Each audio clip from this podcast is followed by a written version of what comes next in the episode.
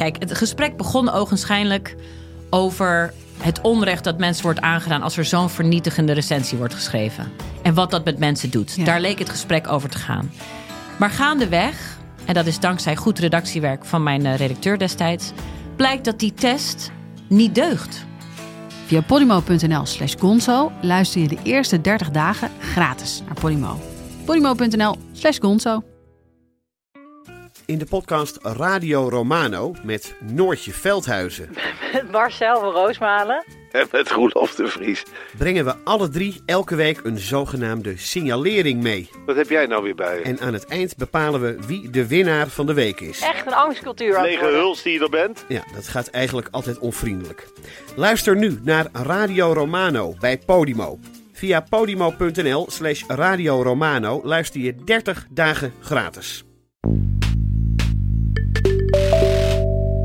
Binnenkort moeten we de maximumsnelheid naar, naar 100 verlagen. En dat zijn natuurlijk allemaal helemaal geen leuke dingen om te doen. Eh, maar als er adviezen zijn, gaan we er altijd serieus naar kijken. Maar daar gaat de Vroempartij. Ja, maar eh, u drukt mij nu in een bepaalde, in een bepaalde hoek waar ik helemaal niet in wil zitten. Nou, ik laat, ik, laat ik dan zeggen waarom ik het vraag. Ik hoor uit kringen rond het kabinet, zo noem je dat dan altijd. De- Dat- eh, dit is ja, goed ingelichte bronnen. Nu begrijp ik waar die naam vandaan komt. Ja, betrouwbare bronnen. Dat u in de ministerraad eh, heel actief bent, vooral als het gaat om het benadrukken van de VVD-lijn. N- Nou ja, dat eh, vat ik dan maar op als een compliment. Want dat is zeg maar het nest waaruit ik kom. Dit is Betrouwbare Bronnen met Jaap Jansen.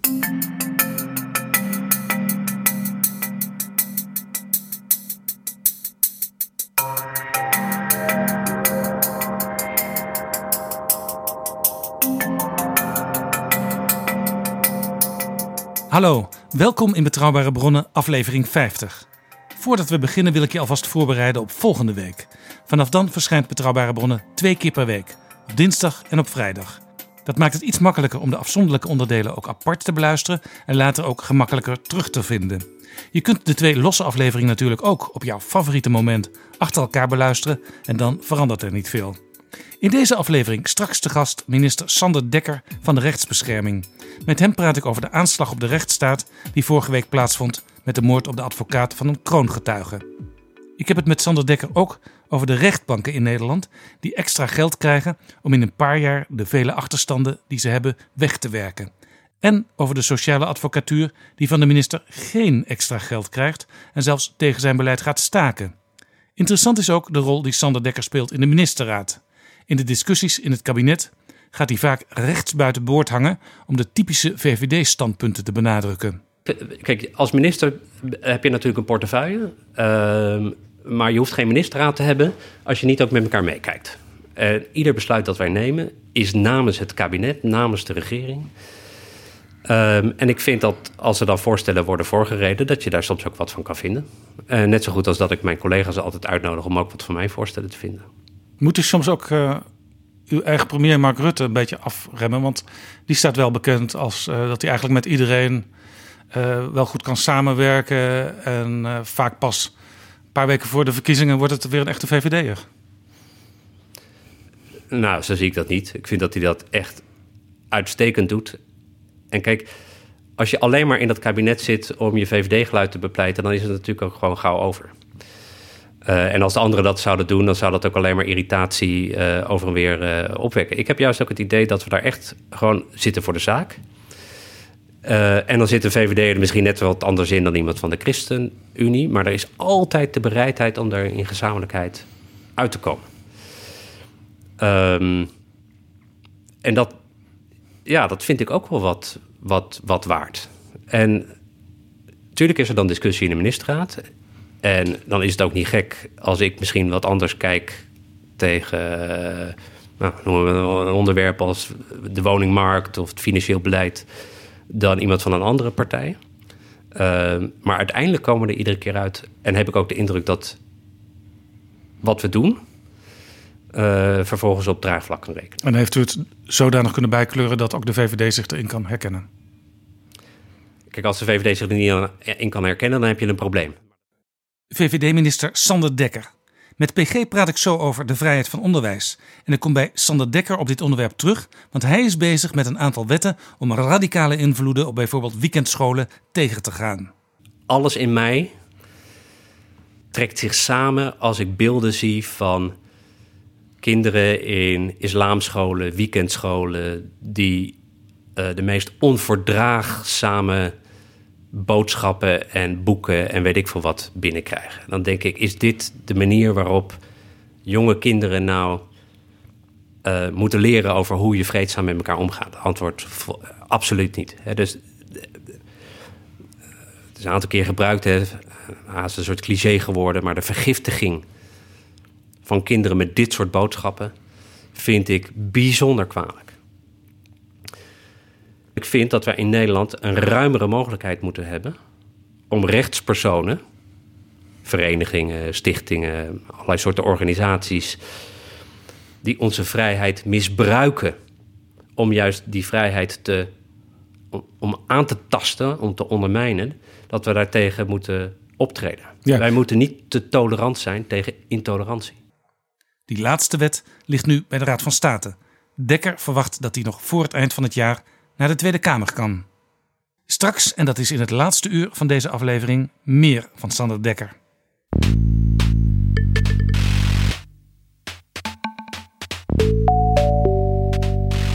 Jaap Jansen en Pieter Gerrit Kroeger duiken in de politieke geschiedenis. Welkom, PG. Dag Jaap. Jij sprak deze week op het Edith Stein College in Den Haag over de vrijheid van onderwijs, artikel 23 van de Grondwet. En dat was op een bijeenkomst van de VVD-themanetwerken Onderwijs, Justitie en Veiligheid en het Wetenschappelijk Instituut van de ChristenUnie. Twee heel verschillende partijen, VVD en ChristenUnie, samen in één kabinet nu, met traditioneel ook heel verschillende opvattingen over dat artikel 23, die vrijheid van onderwijs. Ja, Jaap, en het was nog, nog zelfs leuker. Want de twee partijleiders in de Kamer, uh, Klaas Dijkhoff en Gert-Jan Segers, die gingen daar met elkaar, zeg maar op de vuist, verbaal natuurlijk, over dat onderwerp. En ik, uh, mij was de grote eer gedaan uh, om een soort historische inleiding te houden over het ontstaan en de achtergronden van dat grondwetsartikel. Uh, en ik wil daar met name de jonge VVD'er Max Patelski, die het bedacht heeft en georganiseerd heeft, bijzonder veel hulde toebrengen. En die zei dat was omdat er zoveel fans waren van betrouwbare bronnen. Dat zeiden we zouden eigenlijk zo'n soort verhaal moeten hebben aan het begin. Maar dan moeten we wel tegen PG zeggen dat hij niet meer dan 20 minuten mag spreken. Ja, en, en je hebt toen ook al aan het publiek uh, een beetje verteld dat we het er nu wat uitgebreider over zullen hebben. Dus ik ben benieuwd naar je verhaal. Vrijheid van onderwijs, een grondwetsartikel. Dat is tot stand gekomen tijdens het kabinet Kort van der Linden. Ja. Dat was de laatste liberale minister-president voor Mark Rutte. Ja. Maar wel 100 jaar eerder. Precies, 102 jaar geleden. Ja, uh, ik ga het verhaal zo doen dat uh, de luisteraar, uh, zeg maar dat historische, constitutionele verhaal, wat, wat dit is, gewoon bijna met de pen kan volgen. Want ik heb precies tien misverstanden die over dat artikel en in de discussie over vrijheid van onderwijs voortdurend aan de orde komen. En die rubriceer ik als het ware door het verhaal. Dus dan roep ik gewoon misverstand 1, misverstand 6 enzovoort. Je maakt er weer een klein beetje een hoorcollege van. Bijna wel, bijna wel. Uh, Jij zei het net al, we hebben een grondwetsartikel en dat regelt de vrijheid van onderwijs. Maar wat regelt het eigenlijk en wat regelt het niet? En waarom regelt het dat nou zo? En wat is dat eigenlijk, vrijheid van onderwijs? Juist. Nou, de basis hiervoor werd dus gelegd bij de grondwetswijziging van 1917. Dus dat was midden in de Eerste Wereldoorlog. En toen heeft de, het kabinet en de Kamer hebben toen gezegd: wij gaan een aantal van de grote maatschappelijke strijdpunten, het kiesrecht, eh, mannen en vrouwen, dus ook daarin de gelijkberechtiging van man en vrouw. Als ook het vraagstuk van de financiering van de scholen. Dat gaan we proberen in één keer op te lossen. Door een commissie te benoemen met daar alleen maar partijleiders in. Ja, want er waren dus een aantal maatschappelijke problemen waar men tot dan toe niet uitkwam. Waar het altijd 50-50 was bestemmingen, letterlijk. En waar ook alle verschillende politieke stromingen bepaalde belangen bij hadden om het op een bepaalde manier te regelen. En dat elkaar dus blokkeerde, of leek te blokkeren. En men zoiets had van, we zitten nu in een wereldoorlog. Nederland is neutraal. Uh, maar om ons heen woedende volkeren, zoals het heet. Miljoenen doden. Uh, wij moeten als daar een soort nationale eenheid op die manier ook uitstralen. Ja, en ook misschien vanuit het idee, uh, wat mensen nu ook, ook wel eens hebben van... Wat hebben we toch eigenlijk goed als we om ons heen kijken in de wereld? Wat hebben we toch eigenlijk goed? En je dan tegelijkertijd ook bedenken dat nog een aantal dingen helemaal niet goed geregeld zijn. Dat element ook, ook in dat opzicht van nationale eenheid, inderdaad. Uh, nou, dus die commissie werd benoemd. Uh, en daarin zaten dus partijleiders. En aan twee van die partijleiders werd als het ware, met ondersteuning van ambtenaren, het probleem van de hoe gaan we die scholen nou regelen? Uh, uitbesteed. En dat waren de, nou zeg maar binnen die groep partijleiders de, de twee grootste opponenten. Een duo werd er dus gevormd. Een duo. Een beetje zoals Segers en Dijkhoff nu in de coalitie ook rond dit onderwerp zo'n duo vormen. Vandaar dus ook deze discussie. Dat was de socialistische leider Pieter Jelles Troelstra, de Vries, de grote intellectueel, de grote schrijver, grote dichter ook. Uh, nou ja, werd aanbeden uh, in zijn partij als ja, een groot, ja, ook, ook moreel en politiek voorbeeld. Ja, en de Sociaaldemocraten in Nederland die herdenken op dit moment ook 125 jaar SDAP. En dat was de partij van Troelstra. Juist. Uh, dus dat was een sociaal-democraat. dus niet een communist of een anarchist, want die had je die tijd natuurlijk ook. De ander was jonkheer Alexander de Savornin Lohman. Nou, je hoort het al, de Savornin, dus dat is hugenoten dat was de leider van de Christelijke Historische Unie, een van de voorgangers van het CDA. Die man was geboren in 1837. Die was dus toen al, let op, 80 jaar. Hij is gestorven in 1924, dus die man is bijna 90 geworden. Heeft tot een jaar of anderhalf jaar voor zijn dood in de Tweede Kamer gezeten. Was tot zijn dood de collegevoorzitter van de Rijksuniversiteit in Groningen. Dus je begrijpt, een, ook een groot geleerde, staatsrechtkenner en berucht debater in de Tweede Kamer. Ja. Hij was heel fel en hij kon ongelooflijk uithalen. En dan moest hij, werd hij door de Kamervoorzitter berispt. Ja, was hij, was hij in de tachtig en werd hij berispt. Hij heeft namelijk een communistisch Kamerlid een keer een schobbejak genoemd. In een debat bij een interruptie. En dat was een van de verboden woorden in de Tweede Kamer. En dan heeft de, de Kamervoorzitter, die, die, die vond het een beetje pijnlijk. Om een man van 82 met, met zo'n intellectueel vuur dat wist men natuurlijk van hem. Om hem dan zeg maar, de Kamer uit te sturen. Als een soort kleine jongen. Dan heeft de voorzitter hem uh, uh, gedwongen een excuusbrief aan de communisten te schrijven. Dat heeft hij ook gedaan. En die brief was zo mooi dat die communist heeft die brief toen laten toevoegen aan de handelingen. Geweldig. En er is, maar dat weet bijna niemand meer, in de Tweede Kamer in het gebouw ook een Sarvonin Loonmanzaal. Uh, en ja, de ironie van de geschiedenis is dat daar lange tijd vroeger de fractie van D66 uh, wekelijks vergaderde. En tegenwoordig is de zaal eigenlijk bijna niet meer te vinden. Want daar is nu gevestigd het secretariaat van de SP. Eh, in de loop van dit verhaal zal blijken dat jij een zeer fijnzinnig gevoel voor politieke ironie hebt. Uh, nou, je begrijpt, dit waren twee grande personaliteiten. De ene echt de, dus de afgod van de socialisten in Nederland. En de ander een jonkheer uit een chic hugenotengeslacht. Een groot geleerde, uh, partijleider, uh, was vice-rector van de VU geweest, dus voorzitter van de Rijksuniversiteit Groningen. Uh, ja, een man van uitzonderlijke, ook intellectuele statuur. En die waren dus bereid samen te exploreren of zij een modus konden vinden waarop die vrijheid van onderwijs gefundeerd kon worden. Ja. Wij weten hier heel veel over. En dat is te danken aan Pieter Jelle Stroelstra. Die heeft namelijk buitengewoon gedetailleerde en knap geschreven, ik zei het was een groot literator, memoires geschreven na zijn mislukking als partijleider. Om ook zich dat te verantwoorden natuurlijk voor zijn, voor zijn, uh, zijn daden. En heeft daarin dus heel uitgebreid beschreven zijn gesprekken met Lohman. En hoe zij er samen uitkwamen. Ja, ook weer een voorbeeld dus van de enorme waarde voor de geschiedschrijving uh, die steeds voortduurt en uh, waarin de geschiedenis steeds weer herschreven wordt, opdat er nieuwe bronnen worden aangetroffen de waarde van memoires door politici, die er nog steeds in Nederland veel te weinig zijn. In landen als Amerika, Verenigd Koninkrijk, Frankrijk, Duitsland, uh, schrijft bijna iedereen die iets voorstelde wel iets over zijn politieke leven in Nederland. David Cameron heeft net zijn memoires gepubliceerd met zeer grote zelfkritiek ook. Ja, ook verschillende uh, recente Amerikaanse ministers hebben onlangs boeken gepubliceerd. Er is net een nieuw boek uit van Condoleezza Rice. Samen met haar zeg maar, tweede man. Uh, zowel op het Witte Huis als National Security Advisor. Als later zeg maar, haar onderminister. Die hebben samen een boek geschreven over de val van de muur. En de periode zeg maar, met George W. Bush. En dat boek is natuurlijk één grote lofzang op James Baker. Ja, en, en zo wordt dus steeds, worden er dus steeds nieuwe invalshoeken toegevoegd aan wat men al wist uit de geschiedenis. En het verhaal wordt steeds voller en kleurrijker daardoor. En zo'n verhaal als van Troelstra, dat is een soort verhaal dat je natuurlijk maar één keer kunt krijgen. Dat kon alleen Troelstra zelf vertellen. Hoe hij dus mee worstelde en vocht. En intellectueel, ja, echt een enorm gevecht met de hoogbejaarde Lohman.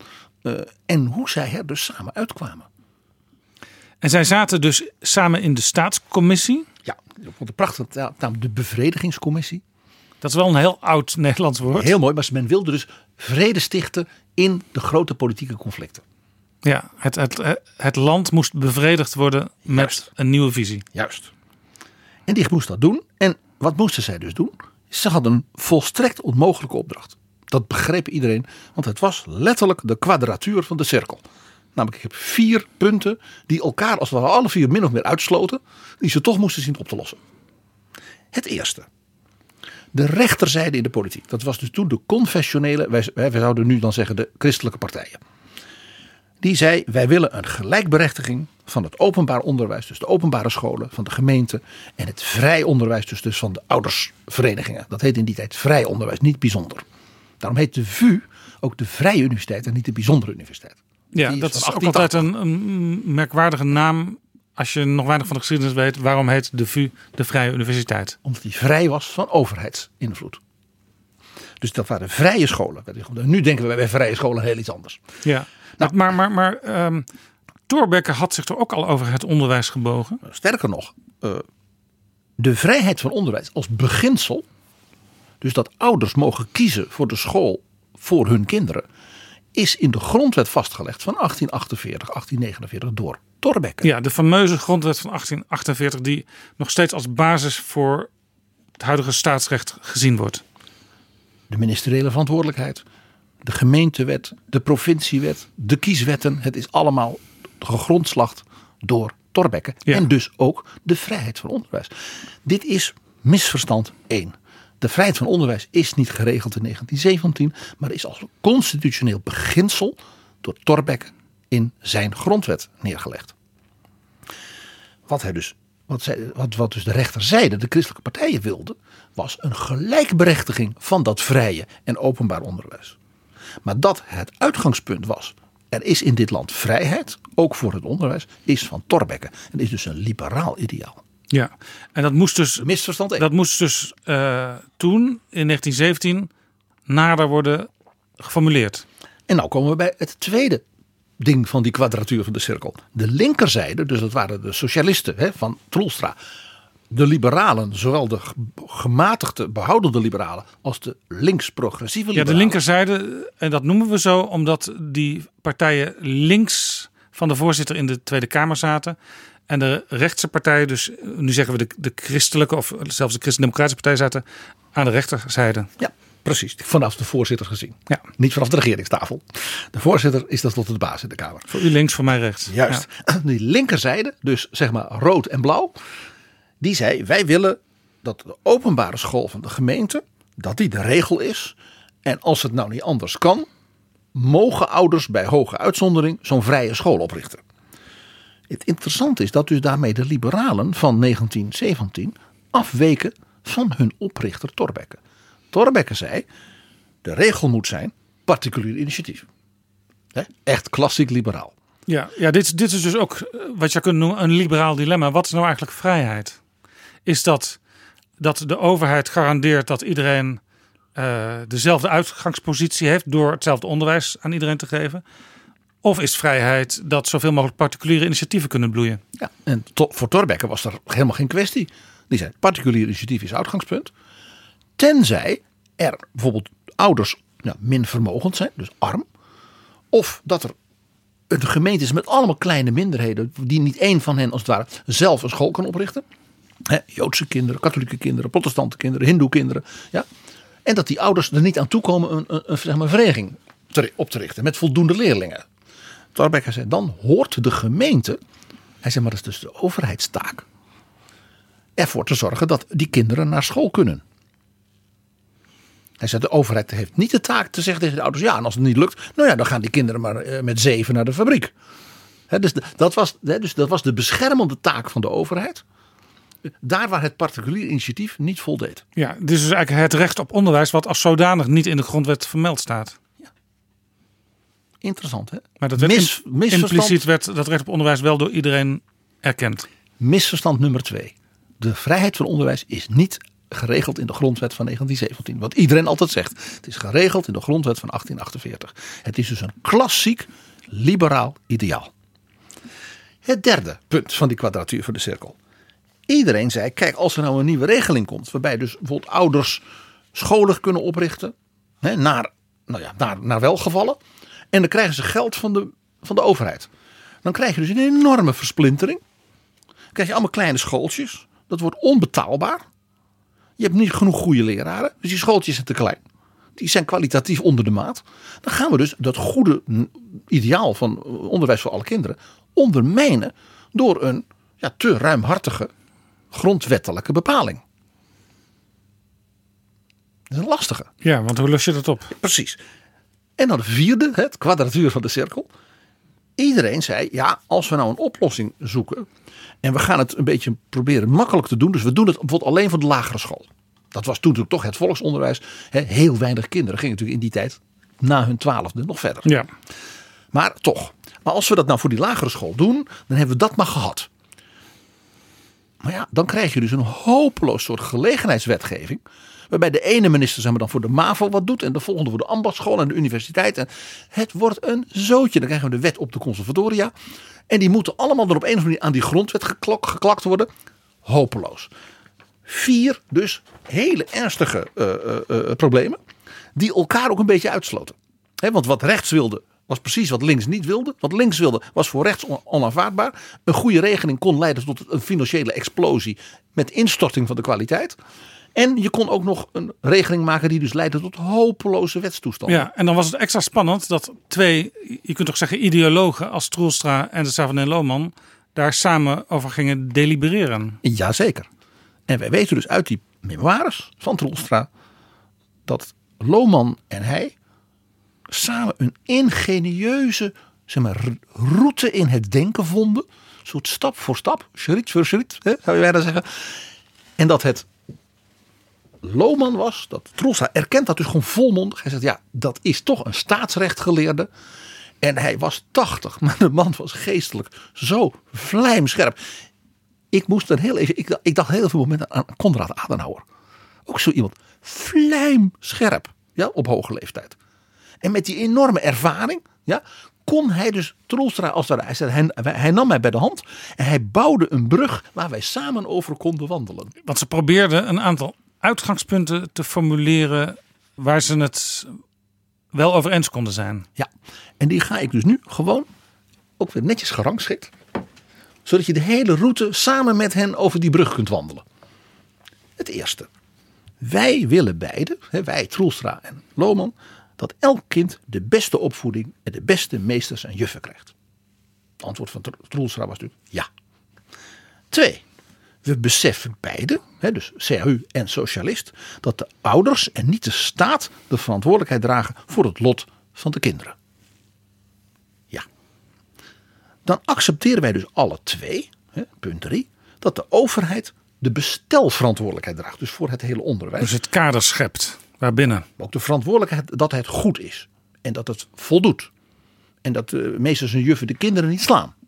Maar dat de overheid niet er is om te dicteren welk boekjes kinderen moeten lezen. Wat de juf voor spelletjes wel en niet mag doen op het schoolplein. Dus de verantwoordelijkheid voor het bestel, het stelsel, de kwaliteit. Vier. Wij willen toch beide dat de jeugd die naar de openbare school van de gemeente gaat, dat hij het beste onderwijs krijgt wat dat wij via de overheid kunnen regelen. En dat de overheid de scholen voor dat goede onderwijs dan ook moet toerusten. Dat is niet de verantwoordelijkheid van de ouders van die school of van de lokale gemeenschap. Dat is de verantwoordelijkheid van de overheid. Ja, de openbare scholen. Juist. Loban gaat voort. Wij willen natuurlijk ook beide dat de jeugd in de vrije scholen het beste onderwijs krijgt wat we maar kunnen krijgen. En dat de schoolbestuur en de ouders daar verantwoordelijk voor zijn. En dat de overheid ze ook moet toerusten. Ja. Dat je dat niet aan toevalligheden van er is een rijke vader of een rijke moeder of een, een, een, een vrome stichting die toevallig de goede boekjes voor die kinderen kan, kan kopen. Maar, maar die school verderop, de klompenschool, heeft niks. En dat dit voorkomt ook waar we later natuurlijk veel discussie over zouden krijgen. Dat externe krachten, bijvoorbeeld uh, buitenlandse mogendheden, geld gaan geven. Uh, waardoor een school op een bepaalde manier gaat functioneren. Nee. Rijke stichtingen. Als een school rijke aan de stichtingen van het Vaticaan. Ja. Of van uh, dat die dus greep zouden krijgen op die scholen. Ja. Omdat de overheid ze in de steek laat. Als een school aan de algemene voorwaarden bij wet gesteld voldoet. Dan krijgen ze steun van de overheid. Jij bent al tien stappen verder dan Lohman. Nou ja, ik concludeer even ja. op basis van wat ik nu van jou ja, hoor. Ja, zo, maar die kant ging het dus op. Want ze zeiden tegen elkaar, wij willen natuurlijk alle twee dat elke vorm van willekeur hierbij is uitgebannen. Jouw punt van zo even van dan komt er een rijke stichting of een, sheik of zo. Geen politieke privileges ja, moet je gaan uitvechten of doen over de ruggen van de kinderen en hun onderwijzers een heel belangrijk beginsel. Die kinderen die onderwijzers, die zijn een waarde in zichzelf. Daar moet je dus geen spelletjes mee spelen. In de politiek of met rijke lui of het bedrijfsleven en dergelijke. Dan, de kwaliteit is dus essentieel in die bestelverantwoordelijkheid van de overheid. Dat betekent dus dat de, eh, dat de regering de kwaliteit van het openbaar onderwijs van die scholen van de gemeente moet regelen. En dat moet dus op grond van de wet. Niet op de grond van een soort subsidieplan. Of een minister die zijn idee heeft en dan komt zijn opvolger en heeft weer een ander idee. Dat moet aan de hand van wettelijke normen. Want anders gaat elke gemeente weer voor zichzelf aanrommelen. Ja, een duurzame, duurzame wettelijke regeling, zodat er niet steeds opnieuw over gediscussieerd hoeft te worden. En dus heldere rechten en plichten waar je dus een beroep op kunt doen en waar je scholen op, ook op kunt aanspreken. Lohman zei, als je het zo doet, dan zullen de vrije scholen zich conformeren aan zulke wettelijke eisen zoals die worden gesteld aan het openbaar onderwijs. Want op die, die vrije scholen willen ook de hoogste kwaliteit aan die kinderen geven op verzoek van de ouders die dat van hen vragen tenslotte. Die vragen, geef onze kinderen heel goed onderwijs. Je stuurt ze niet naar die school om, in, in de hoop dat ze geslagen worden en uh, dat ze niks leren. Nou, mits natuurlijk, dat begrijp je, dat Lohman zei, die eisen mogen geen dwingelandij inhouden, zoals dat heet, in geestelijke zin. Bijvoorbeeld, je mag op katholieke scholen als ze geld krijgen niet meer over Maria praten. En dus ook ze moeten de eisen zijn aan de kwaliteit van zeg maar, de kennisoverdracht en zeg maar, de breedte van het pakket. Hoe men zeg maar, vertelt over de Bijbel of over eh, de geschiedenis, dat is een zaak van de vrijheid geen van de school. staatspedagogie, geen staatsethiek. Exact. En op die basis, zij, Lohman en Troelstra samen, kunnen we dus de openbare en de vrije scholen gelijkelijk gaan behandelen in de financiering. Dat betekent dus gelijke eisen op grond van de wet. Die wet wordt gemaakt door het parlement. Ja. Dus die eisen zijn democratisch gevalideerd. En daar is een advies aan de Kamer ook gegeven en aan de regering door de Raad van State. Dus die als onpartijdige ja, groep van wijze mensen daar nog eens naar kijkt en wat kan zeggen: minister, dit moet u niet doen. Of minister, uh, dit is te soft. Of minister, u moet hier ietsje minderen. Ja, ja dit is gewoon de algemene rol van de Raad van State. Ja. Hè? Ja. En ze hebben dus speciaal voor dit grondwetsartikel ook nog de onderwijsraad bedacht. Ze hebben gezegd, laat er ook een soort club komen van wijze mensen die alles van onderwijs weten. Die ook rechtspraak kunnen doen als bijvoorbeeld een school klaagt. Dan moet je niet naar de rechter of naar de Raad van State. Uiteindelijk misschien kan het wel. Maar gebruik nou de onderwijsraad als beslechter van die geschillen. Heel slim. Is dit een beetje vergelijkbaar met. Uh, ik praat er met Sander Dekker over, de rechtspraak, met de Raad voor de Rechtspraak. Oh, dat vind ik een hele mooie. Ja, dus een club die als het ware over dat domein eh, eh, bijna als een soort eh, scheidsrechter kan opereren. Als er conflicten zijn. Ja, Dat is het. ja een soort algemeen toezichthouder. Ja. Ja. en de onderwijsraad heeft zich daarna natuurlijk ontwikkeld. Ook tot een ja, soort denktank. ja, met, met verstandige adviezen over de toekomst van het beroepsonderwijs. En, en hoe het met de computer in de klas moet. Lohman was een hele verstandige man. Maar hij was 80 in 1917. Dus van computers, dat idee had hij nog niet. Maar de, het fundament is tot de dag van vandaag, wat we nu vertellen, niet veranderd. Ja, ja dus, dus deze stellingen, deze uitgangspunten door Lohman geformuleerd en door Troelstra geaccepteerd. Met hem samen ja, ontwikkeld. Die brengen dus eigenlijk gelijkheid tot stand voor openbaar en vrij onderwijs. En ook eh, kwaliteitsnormen die voor alle scholen gelden. Precies. Lohman, ik zei het al, was een staatsrechtgeleerde, maar ook een politicus. Hij was beroemd om zijn eh, bijna one-liners. Hij heeft dat toen samengevat in één zin. Geeft gij ons hetzelfde dat u eist voor uzelf en wij zullen meer doen. Geeft gij ons hetzelfde dat u eist voor uzelf en wij zullen meer doen.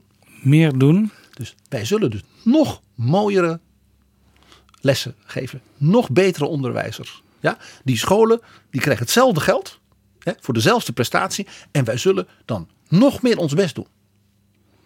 Dus een soort positieve rivaliteit laten, laten opbloeien. In plaats van elkaar beloeren en elkaar dingen niet gunnen. Nou, zo is dus in de wet eh, de term erin gekomen van de eisen van deugdelijkheid. Het is natuurlijk echt, je hoort hier ook een 19e eeuwse geleerde, hè, een Lohman. De eisen van deugdelijkheid. Ja, Dus dat, hoor, dat hoor je altijd. Hè? De overheid stelt bij wet eisen van deugdelijkheid. dat betekent dus dat de overheid wettelijke normen formuleert. Aan de hand waarvan je kan zeggen, als je daaraan voldoet, heb je dus recht op die bekostiging. Ja? Nog En- even een vraag tussendoor, want eh, je had het straks heel eventjes over de, het vraagstuk. Krijg je dan niet heel veel kleine schooltjes wat heel erg duur wordt voor de samenleving? Ze hebben dus dit in de grondwet natuurlijk niet geregeld. Want de grondwet moet dit soort uitvoeringsregelingen doen.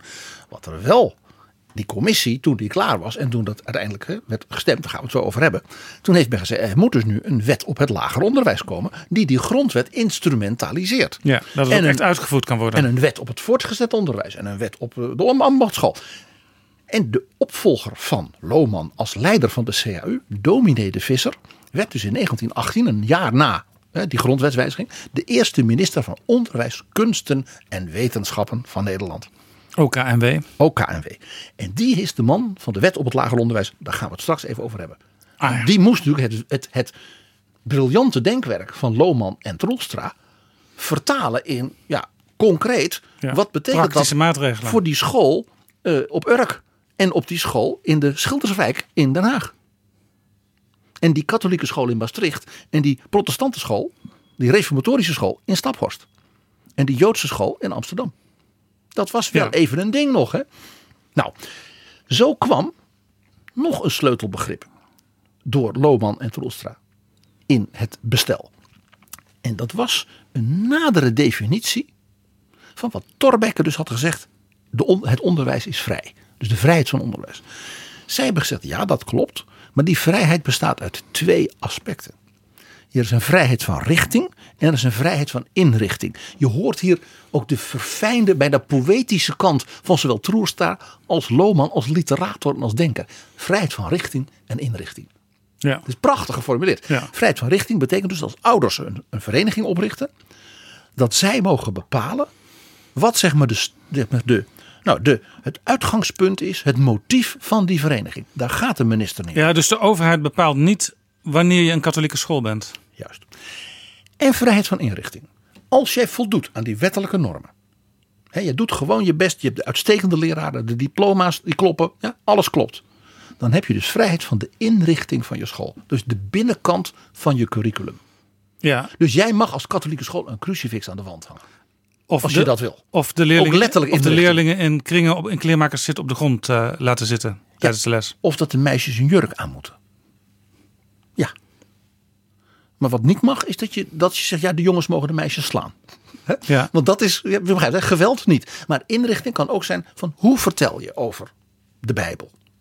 Want openbare scholen, die hebben geen vrijheid van inrichting. Hè, dat zijn, die, die moeten het curriculum van het openbaar onderwijs doen. Die vertellen ook over de Bijbel en over de Koran en over het hindoeïsme. Ja, over- overigens, je zegt meisjes en jurk. Misschien komen we daar straks nog over te spreken hoor. Maar dan moet ik wel weer even denken aan artikel 1 van de grondwet. Waarin de gelijkheid Ja. voor de wet van elke Nederlander. En iedereen die zich op dit ge- grondgebied bevindt. benadrukt wordt. En daar maak ik toch wel onderscheid in tussen seksen, tussen jongens en meisjes. Ja, ik vind ook dat de KNVB gewoon verboden moet worden op grond van jouw denken over artikel 1 van de grondwet. Want je hebt ook mannenvoetbal en vrouwenvoetbal. Maar dit. Nee, dat heeft met fysieke, fysieke eh, voorwaarden te maken. Zie je? Oftewel, het mag wel. Onderscheid maken mag wel. Ja, nee, maar het heeft niks met eh, goed kunnen leren te maken of je een broek of een rok draagt. Goed. Nou, dat laatste punt, die vrijheid van richting en inrichting, ontstond dus eigenlijk in deze discussie, omdat zowel Lohman als Troelstra bij het wandelen over die brug samen zeiden van ja, stel je nou toch voor dat je dus die scholen, die vrije scholen, zich laat eh, melden met zo ziet het bij ons eruit, wij voldoen aan alle eisen, wij willen graag die gelijke bekostiging. Daar hebben ze ook recht op, volgens de wet. Stel je nou voor dat dan de minister ja, of de staatssecretaris en zijn ambtenaren dan moeten gaan kijken. ehm, die school noemt zich katholiek.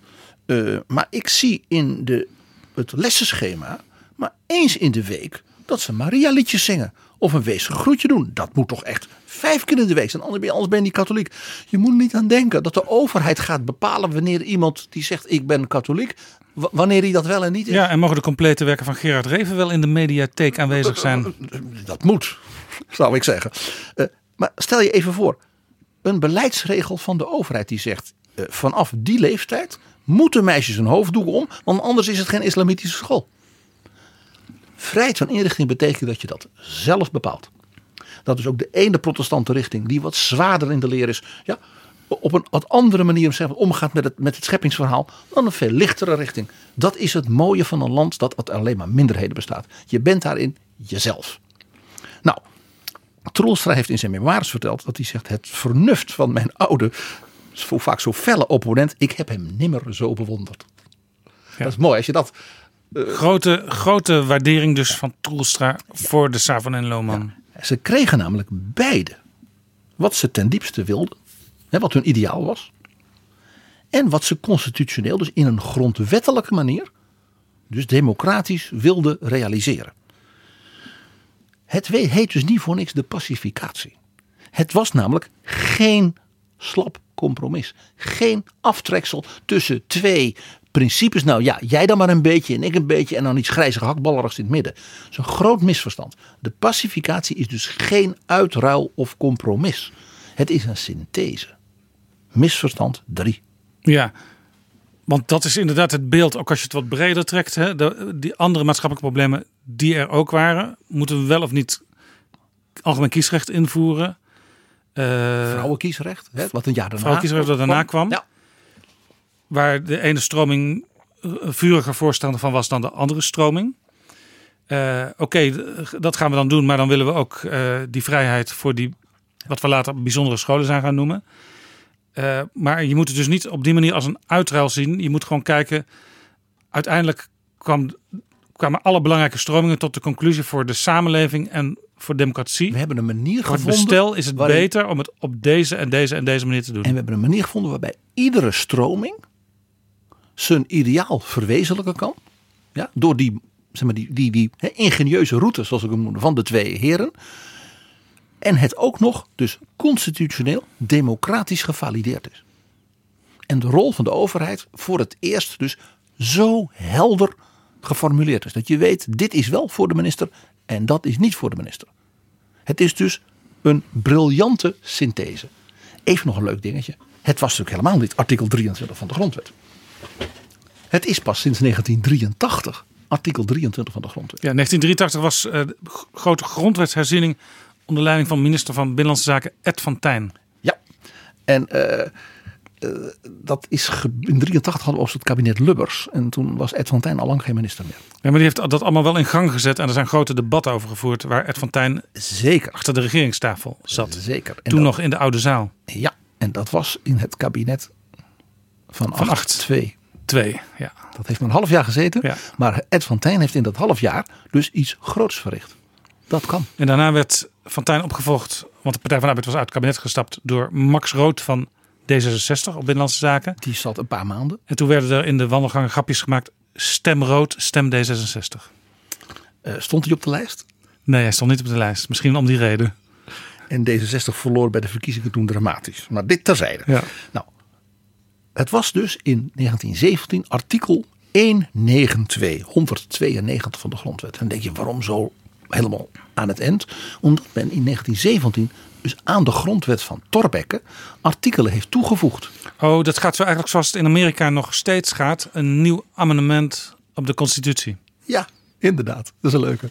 En pas in 83 bij dus de herziening van de grondwet, waarbij men ook dat artikel 1, wat daarvoor dus Toen heeft men de volgorde wat prominenter Toen geplaatst. heeft men dus Ja. gezegd, laten we de fundamentele rechten, zowel de, zeg maar, de burgerrechten als de sociale rechten, als het ware bij elkaar aan het begin zetten. Ja. En vandaar dus dat bijvoorbeeld de vrijheid van godsdienst het, nu het zesde Ja, grondwetsartikel is. waarbij overigens nog steeds, eh, dat is ook een misverstand, als ik dan eens een misverstand erin mag brengen. eh, het niet per definitie de volgorde is waarin de grondwetsartikelen vermeld zijn, die ook hun eh, waarde, hun dominantie bepaalt. Het is dus niet zo dat artikel 1 boven artikel 23 gaat. Of artikel 6, de vrijheid van godsdienst, hoger staat dan artikel 23 Ja. vrijheid van onder. En de Het vrijheid- is dus geen hitparade van zo'n piratenzenderstation waar jij en Max van Weesel altijd dol op waren. Ja, en in die, maar in die hitparade was het ook zo dat er elke week enorme verschuivingen waren. En dat sommige nummers met stip stonden genoteerd en sommige alweer op de terugweg waren. En gelukkig is dus onze constitutie niet zo'n labiele gekte als de popmuziek. Nou. Leven de opera. Leven de opera, zo is het. Wat bereikten Lohman en Troelstra met, met z'n tweetjes dus in die commissie? Wat, waar, wat, wat leverde dat nou op? Ja, zij moesten dat natuurlijk ook nog overbrengen aan hun, hun, hun vrienden van weer andere politieke stromingen in die club. Eerst de commissie. De, de rest van de commissie moest. Het was natuurlijk niet zo dat zij een soort dictaat konden geven met z'n tweeën. Wie, wie zaten er nog meer in? Ja, de andere partijleiders. Dat was heel, dat is heel bijzonder. Nou, ze er werd dus overeenstemming gevonden. Men zei dit is verstandig en de anderen hadden met dat kiesrecht iets gedaan. En, nou, zo kwam men er samen uit. Ten eerste, wat ze bereikten, echt fundamenteel. De overheid heeft bij wet de opdracht, zeg maar de basiskwaliteit voor alle scholen te formuleren. Dat betekent die beroemde zin van dat artikel. Het onderwijs is een aanhoudende zorg van de regering. Het gaat hier natuurlijk om het woord aanhoudende. Het is dus niet één keer in de tien jaar van ze krijgen wat geld en dan zoeken we het uit. De overheid hoort die wetten te maken. De minister hoort hier dus te verdedigen in de beide kamers. De Raad van State en de Onderwijsraad moeten daar dus gedegen advies over geven. De minister doet er ook verstandig aan om, en dat is dus ook geregeld daarna, om overleg te voeren met die onderwijsorganisaties. De experts daarvan ook. En er is een onderwijsinspectie. Dat, die, is, die is daarna gekomen. Dus dat is, dat is achteraf. Ja, maar dat is ook een. Maar die maakt geen wetten. Nee, maar dat is ook wel een, weer een, een voortvloeisel uit de aanhoudende zorg. Precies, dat het niet een eenmalige of een soort eh, weet je wel, eh, oprisping is en dan weer tien jaar niks. Aanhoudende zorg. Dus het is ook niet zo dat de minister, als er, bijvoorbeeld, als er iets is in een eh, scholen of in universiteiten, en, dat bijvoorbeeld zeer slechte beoordelingen van bijvoorbeeld de accreditatie, de minister kan zeggen: ja, ja dat, is dat is niet mijn probleem hoor. Dat is, dus heel, en nog iets. En het onderwijs is een aanhoudende zorg van de regering. Daar staat dus al het onderwijs. Niet alleen het openbare. Dat was natuurlijk wat Thorbecke als insteek had. De overheid zorgt dat waar er niks is, er een openbare school is. En dan zorgt de overheid dat dat goed is. Ja. Die zei, die vrije scholen, ja, die zijn vrij. En Ja. die zijn, was het idee van Thorbecke, 90% van de scholen. Ja. Let dus op, niet alleen het, het openbaar onderwijs, al het onderwijs. En daarmee deed dus Lohman een ongelofelijke fundamentele zeg maar, stap naar Troelstra en de liberalen. Want die zeiden openbaar moet norm zijn. En eigenlijk zei hij, ja, De overheid stelt bij wet de kwaliteitseisen en dat doet ze als hoeder van het hele onderwijs. Ja, en de overheid mag dus ook uh, die eisen opleggen aan de vrije scholen. Achter de deur kijken of het wel naar de eisen wordt uitgevoerd. Precies. Tweede fundamentele punt wat ze bereikten. Het fundament van Thorbecke, vrijheid, het onderwijs is vrij, 1848, werd dus gerealiseerd door te zeggen als dat zo is en die mensen doen allemaal hun best en voldoen daarbij aan die basiskwaliteitseisen, dan hebben ze ook recht op gelijke financiering. En dat is geen subsidie, dat is een recht. Dus dat heet dan ook bekostiging. En niet subsidie. Wat je dus heel vaak hoort in de discussie. Waarom subsidiëren wij die christelijke en die katholieke types? Nee, u subsidieert ze niet. Ze hebben net als uw kinderen recht op goed onderwijs.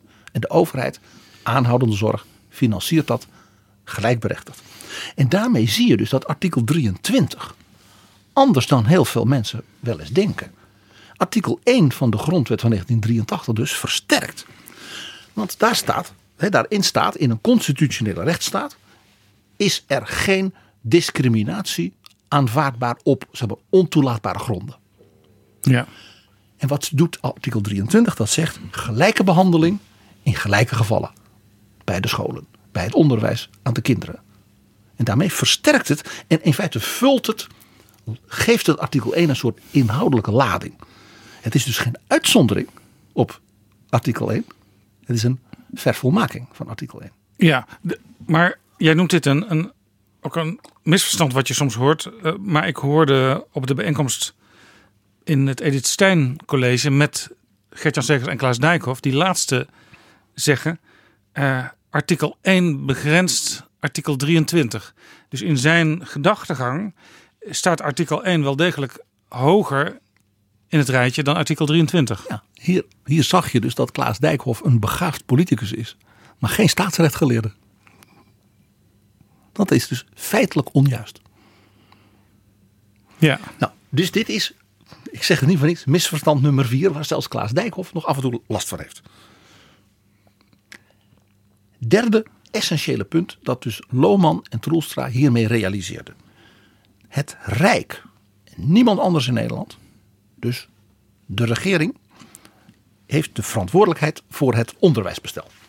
Dat wordt tot de dag van vandaag, heet die term ook de bestelverantwoordelijkheid.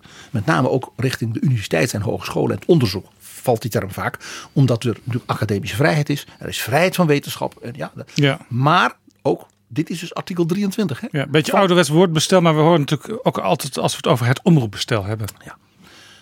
En het sociale stelsel. Dat is ook een bestel. Nou, de verantwoordelijkheid dus voor het bestel ligt dus bij de regering bij het Rijk. Dus dat bijvoorbeeld mevrouw van Engelshoven, hè, dus nu conflicten heeft met universiteiten en hogescholen over de verdeling van het geld en hè, wat en dat. Dat is dus een rechtstreeks gevolg van het denkwerk van Lohman en Troelstra. Ja. De minister kan niet zeggen, ja dat zijn wetenschappers, dat zijn geleerden, daar bemoei ik me niet mee. Nee, u bent verantwoordelijk voor het bestel. En vandaar ook elk jaar de begrotingsbehandeling onderwijs, die ook een flinke hap uit het totale budget van de overheid neemt omdat we dat als samenleving dus verschrikkelijk belangrijk vinden. En we dus ieder kind en iedere student ook gewoon de beste juf en de ja, voortreffelijkste meester en de geweldigste professor willen geven. Helemaal in die, die denklijn van Lohman, wij willen toch beide dat, die kun je gewoon helemaal langslopen, ook op de dag van vandaag. En daarmee zie je dus dat dit iets is, ja, dat heeft eeuwigheidswaarde gekregen. Het is al 102 jaar en het is feitelijk nooit veranderd. Ja. En de samenleving van nu is echt niet meer die van 1917. En de universiteit van nu, nou, die lijkt nog wel een beetje op de universiteit van 1917, maar er gebeuren heel andere dingen. Ja. En de scholen van nu zijn ook heel anders. En de kinderen van nu zijn heel anders. Maar de fundamenten is ongewijzigd. En je ziet ook dat uh, op een volgende ministers van Onderwijs van hele verschillende politieke stromingen, uh, nu bijvoorbeeld weer Arie Slop, afkomstig uit de ChristenUnie, uh, vaak fervente verdedigers van dat artikel 23 zijn. Jos van Kemenade ik heb, hè, zoals je weet, ik heb eh, Partij hem, van de Arbeid, hem, hem mogen dienen. Kabinet En het kabinet van 8-2. Dat hij mijn baas was. Jos van Kemenade was een geharnast verdediger van de vrijheid van onderwijs. Hij zei als sociaaldemocraat uh, heb ik natuurlijk allerlei verlangens nog ten aanzien van de invulling. En ik wil scholen kunnen aanspreken. Op, hij had ook enorme ideeën over eh, het onderwijs. Ja, maar het fundament, artikel 23, dat vond hij Hij, hij, en, hij en Wim Deetman, zijn staatssecretaris, CHU, CDA, eh, waren op dat punt volstrekt eensgezind. Dat was opmerkelijk. Daar, daar, daar, daar zat geen licht tussen. Eh, later de staatssecretaris van Wim Deetman, Nel Genjaar Maas. VVD. VVD, acht jaar lang staatssecretaris geweest. Daar heb ik zeer, zeer ja, warme herinneringen aan. Heel fijn mee samengewerkt. Geweldige vrouw. Op dit punt in haar partij tegen dus de mensen die, hè, ook wel eens in de VVD, die misverstanden hadden. Dan kon ze ongelooflijk fel worden. Dat is heel interessant. Dus je zou kunnen zeggen, ook gehoord hebben jouw verhaal tot nu toe. Mensen als eh, Van Kemenade, de Deetman, uh, Ginja Maas kenden de geschiedenis van dit grondwetsartikel. En wisten ook van de, dus die fundamentele waarden. Ja, waar je dus op hebt kunnen bouwen. En dat hele bestel. En dus ook dat zij als bewindslieden snapten wat die bestelverantwoordelijkheid inhield. Wat je dus wel doet en wat je als minister niet doet. Nou, eh, nog een belangrijk punt wat natuurlijk Lohman en Troelstra bereikten. Is dat hele, die gedachte van de vrijheid van richting en inrichting. Dat dat dus niet een particulier iets is. Maar dat dat een publiek gedragen iets is van iedereen. Het is vrijheid van richting voor iedereen. Dus ook voor de ouders die zeggen: ik stuur mijn kind naar een openbare school. Daar zijn zij dus vrij in. Ja, en daar, daar, daar kun je dus ook die koppeling aan artikel 1 weer heel duidelijk zien. Heel goed. Gelijkheid voor iedereen. Gelijke behandeling in gelijke gevallen. Exact. Dus ook hier weer, dus dit zijn dus fundamentele ja, beginselen van de rechtsstaat. Die hier als het ware in doorklinken. Nou, ook heel mooi is dat zij hiermee bereikten dat doordrong in Nederland, dat pluriformiteit. En het feit dat een school zijn eigen manier van vorming en opvoeding kon invullen. En dat de gemeenten dat ook mochten doen als dragers van de openbare scholen. Niet gedicteerd door de minister. Dat dat een waarde op zichzelf in zich draagt. Pluriformiteit, verscheidenheid als waarde van de samenleving. Niet als dictaat. Of als iets wat je afdwingt.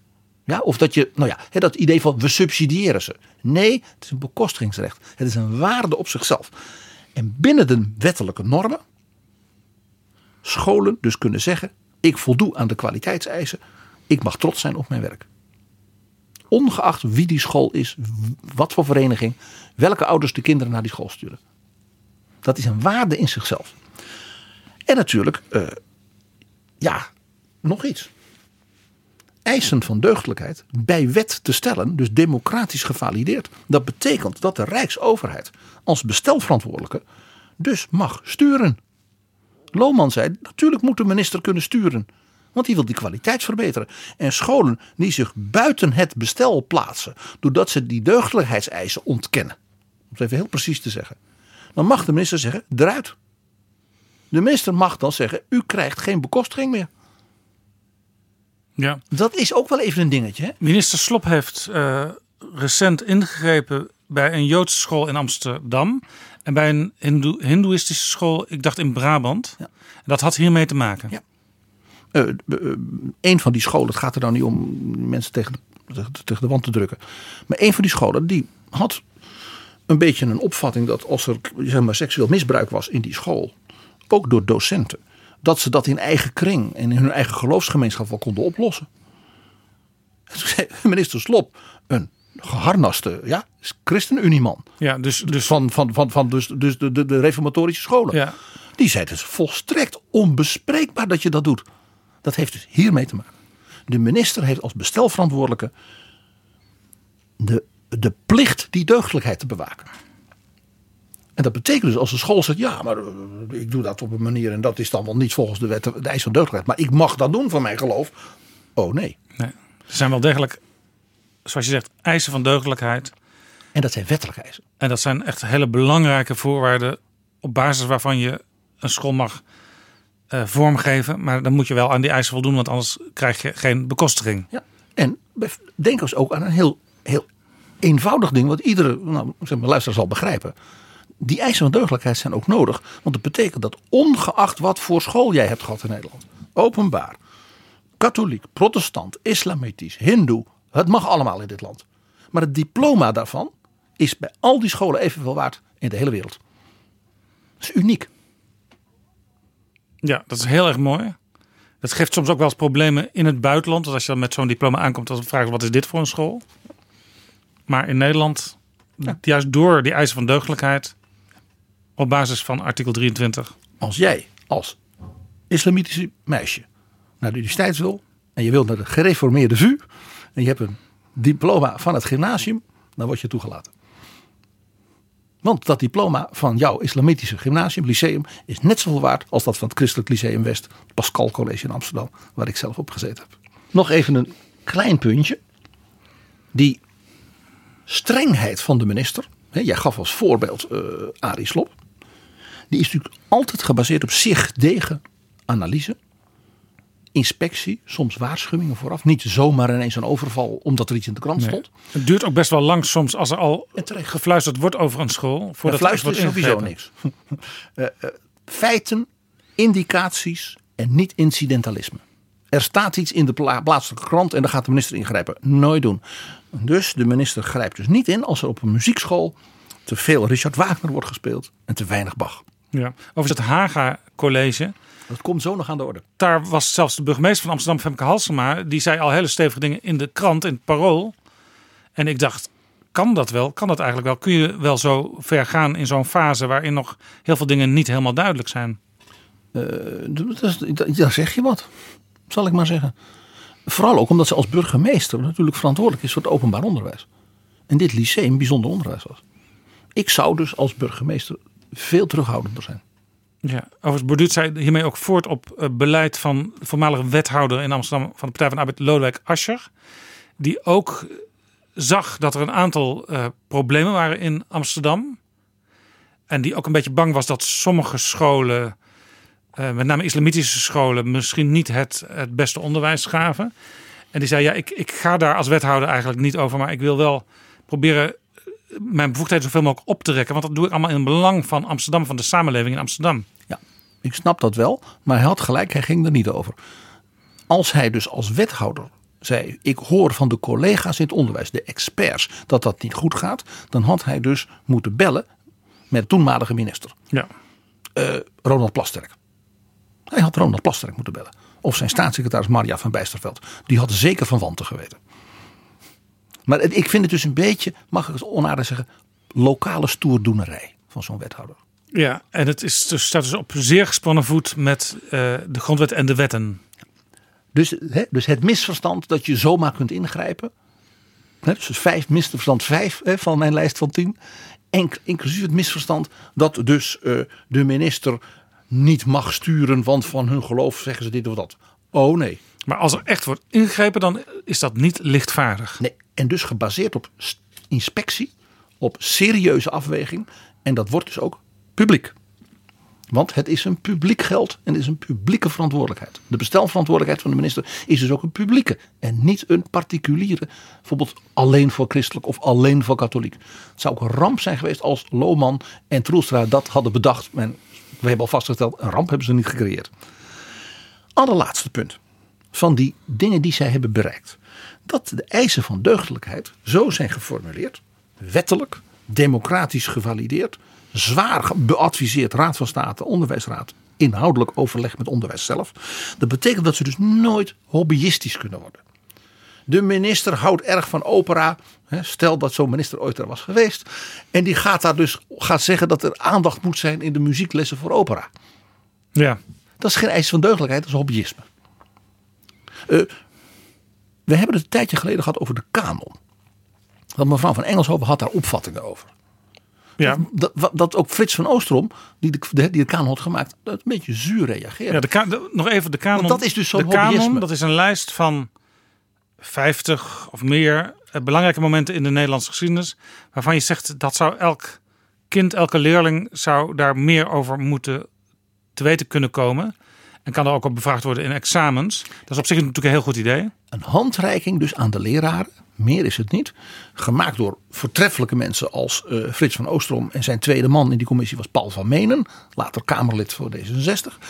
En minister uh, Maria van der Hoeven heeft toen na advies van de onderwijsraad en de inspectie, heel verstandige, typisch Maria van der Hoeven, altijd heel wel overwogen, heeft ze dat dus gegeven aan het onderwijs. Niet als voorschrift van de minister, maar als cadeau. Daar kunt u iets mee. En dat is met groot, groot enthousiasme heeft men dat overgenomen. Ik geloof driekwart van alle scholieren in Nederland wordt dus echt aan de hand van de kanon dat wordt gewoon gebruikt in die docenten. Die doen nog een eigen verhaal. En eh, dit vinden ze. De ene docent is, dol op uh, verhalen over Christian Huygens en zijn ontdekkingen. En de ander vindt de boek. Maar het is niet zo dat de minister kan zeggen. Die kanon moet overal onderwezen en geëxamineerd worden. En anders gaat de bekostiging eraan. Precies. Dat zou hobbyisme zijn. dus, dus die opmerking van mevrouw van, van Engels over die staat tegen het randje van de minister bedrijft hobbyisme. De eisen van deugdelijkheid zijn dus serieuze normen, hè, die je dus wettelijk kunt vastleggen. Dan moet je denken aan kwaliteitseisen aan de docenten. Geen docent voor de klas, zie het lerarentekort nu, die niet een fatsoenlijk onderwijsdiploma heeft. Dus niet van ja, maar die man heeft, uh, die weet heel veel van natuurkunde, want die heeft een autosloperij uh, gehad. Dus die kan wel voor de, les, voor de klas. En houdt wel orde. Hè? Nee. Dus eisen aan de docenten. Eisen aan de schoolleiding. Eisen aan de curricula materiële standaarden. Die school moet gezond zijn, van binnen en van buiten. Ja, dat zijn, dat, en terecht. Eisen dus aan het toezicht op dat bestuur. Eisen aan de toezicht op dat kwaliteit. Dus de functie van de inspectie, maar ook van andere organisaties. Van de onderwijsorganisatie zelf. Artikel 23 is dus niet, ik vond dat zo'n mooie term van uh, Klaas Dijkhoff, een showstopper. dus die afstopt dat je goede wettelijke eisen stelt aan scholen. Is misschien wel leuk om dat moment in het verhaal van Dijkhoff even te laten horen. Ja, we luisteren even naar Klaas Dijkhoff uit de discussie die hij had in het Edith Stein College met Gertjan Segers van de ChristenUnie over de rol van artikel 23 van de grondwet. Eh, ik schuw het niet. Als het, die, als het lukt om bij gewone wet wat onder artikel 23 kan. De eisen te stellen die nodig zijn om die uitwassen tegen te gaan. Burgerschapseisen stellen. En het lukt allemaal. Dan blijkt dat artikel 23, want in letterlijke zin zie ik geen probleem. Dan blijkt dat te kunnen. Als er gezegd wordt dat artikel 23 met al zijn historie ehm, dat soort zaken blokkeert. Er komt een wet en die zegt, nou, artikel 23 zoals het nu is, sinds 83 en 292 voor een alle historie, die maakt dit soort eisen gewoon dat die niet kunnen. Ja, dan zeg ik niet, nou ja, dan kun je niks. Dan moet je artikel 23 aanpassen. Ik denk dat in de praktijk die, die botsing, ik heb daar particulier, zijn ze, voelen ze voor mij nooit nevengeschikt. Ik heb echt het idee dat er die gelijkwaardigheid en de vrijheid van meningsuiting, die zijn voor mij persoonlijk en ook als liberaal, uh, zijn die de kern. En de rest is een, een, logisch voortvloeisel, dat, als je, dat je dan ook mag verenigen. En dat je dan ook natuurlijk je, uh, als, als je godsdienst en je religie mag doen. Maar ook daar leggen we wel degelijk beperkingen aan. Ook daar zijn er voorbeelden van mensen die zeiden: wij zijn een godsdienst.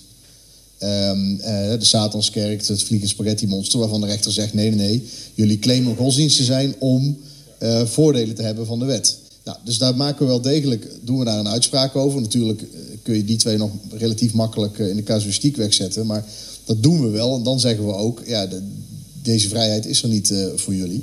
Dus ik denk dat het niet hoeft als je naar de letterlijke tekst van de grondwet kijkt. Maar het mag voor mij geen showstopper meer zijn dat iemand zegt... nou ja, dat, dat, dat is tegen artikel 23. Want vroeger hield dan de discussie op.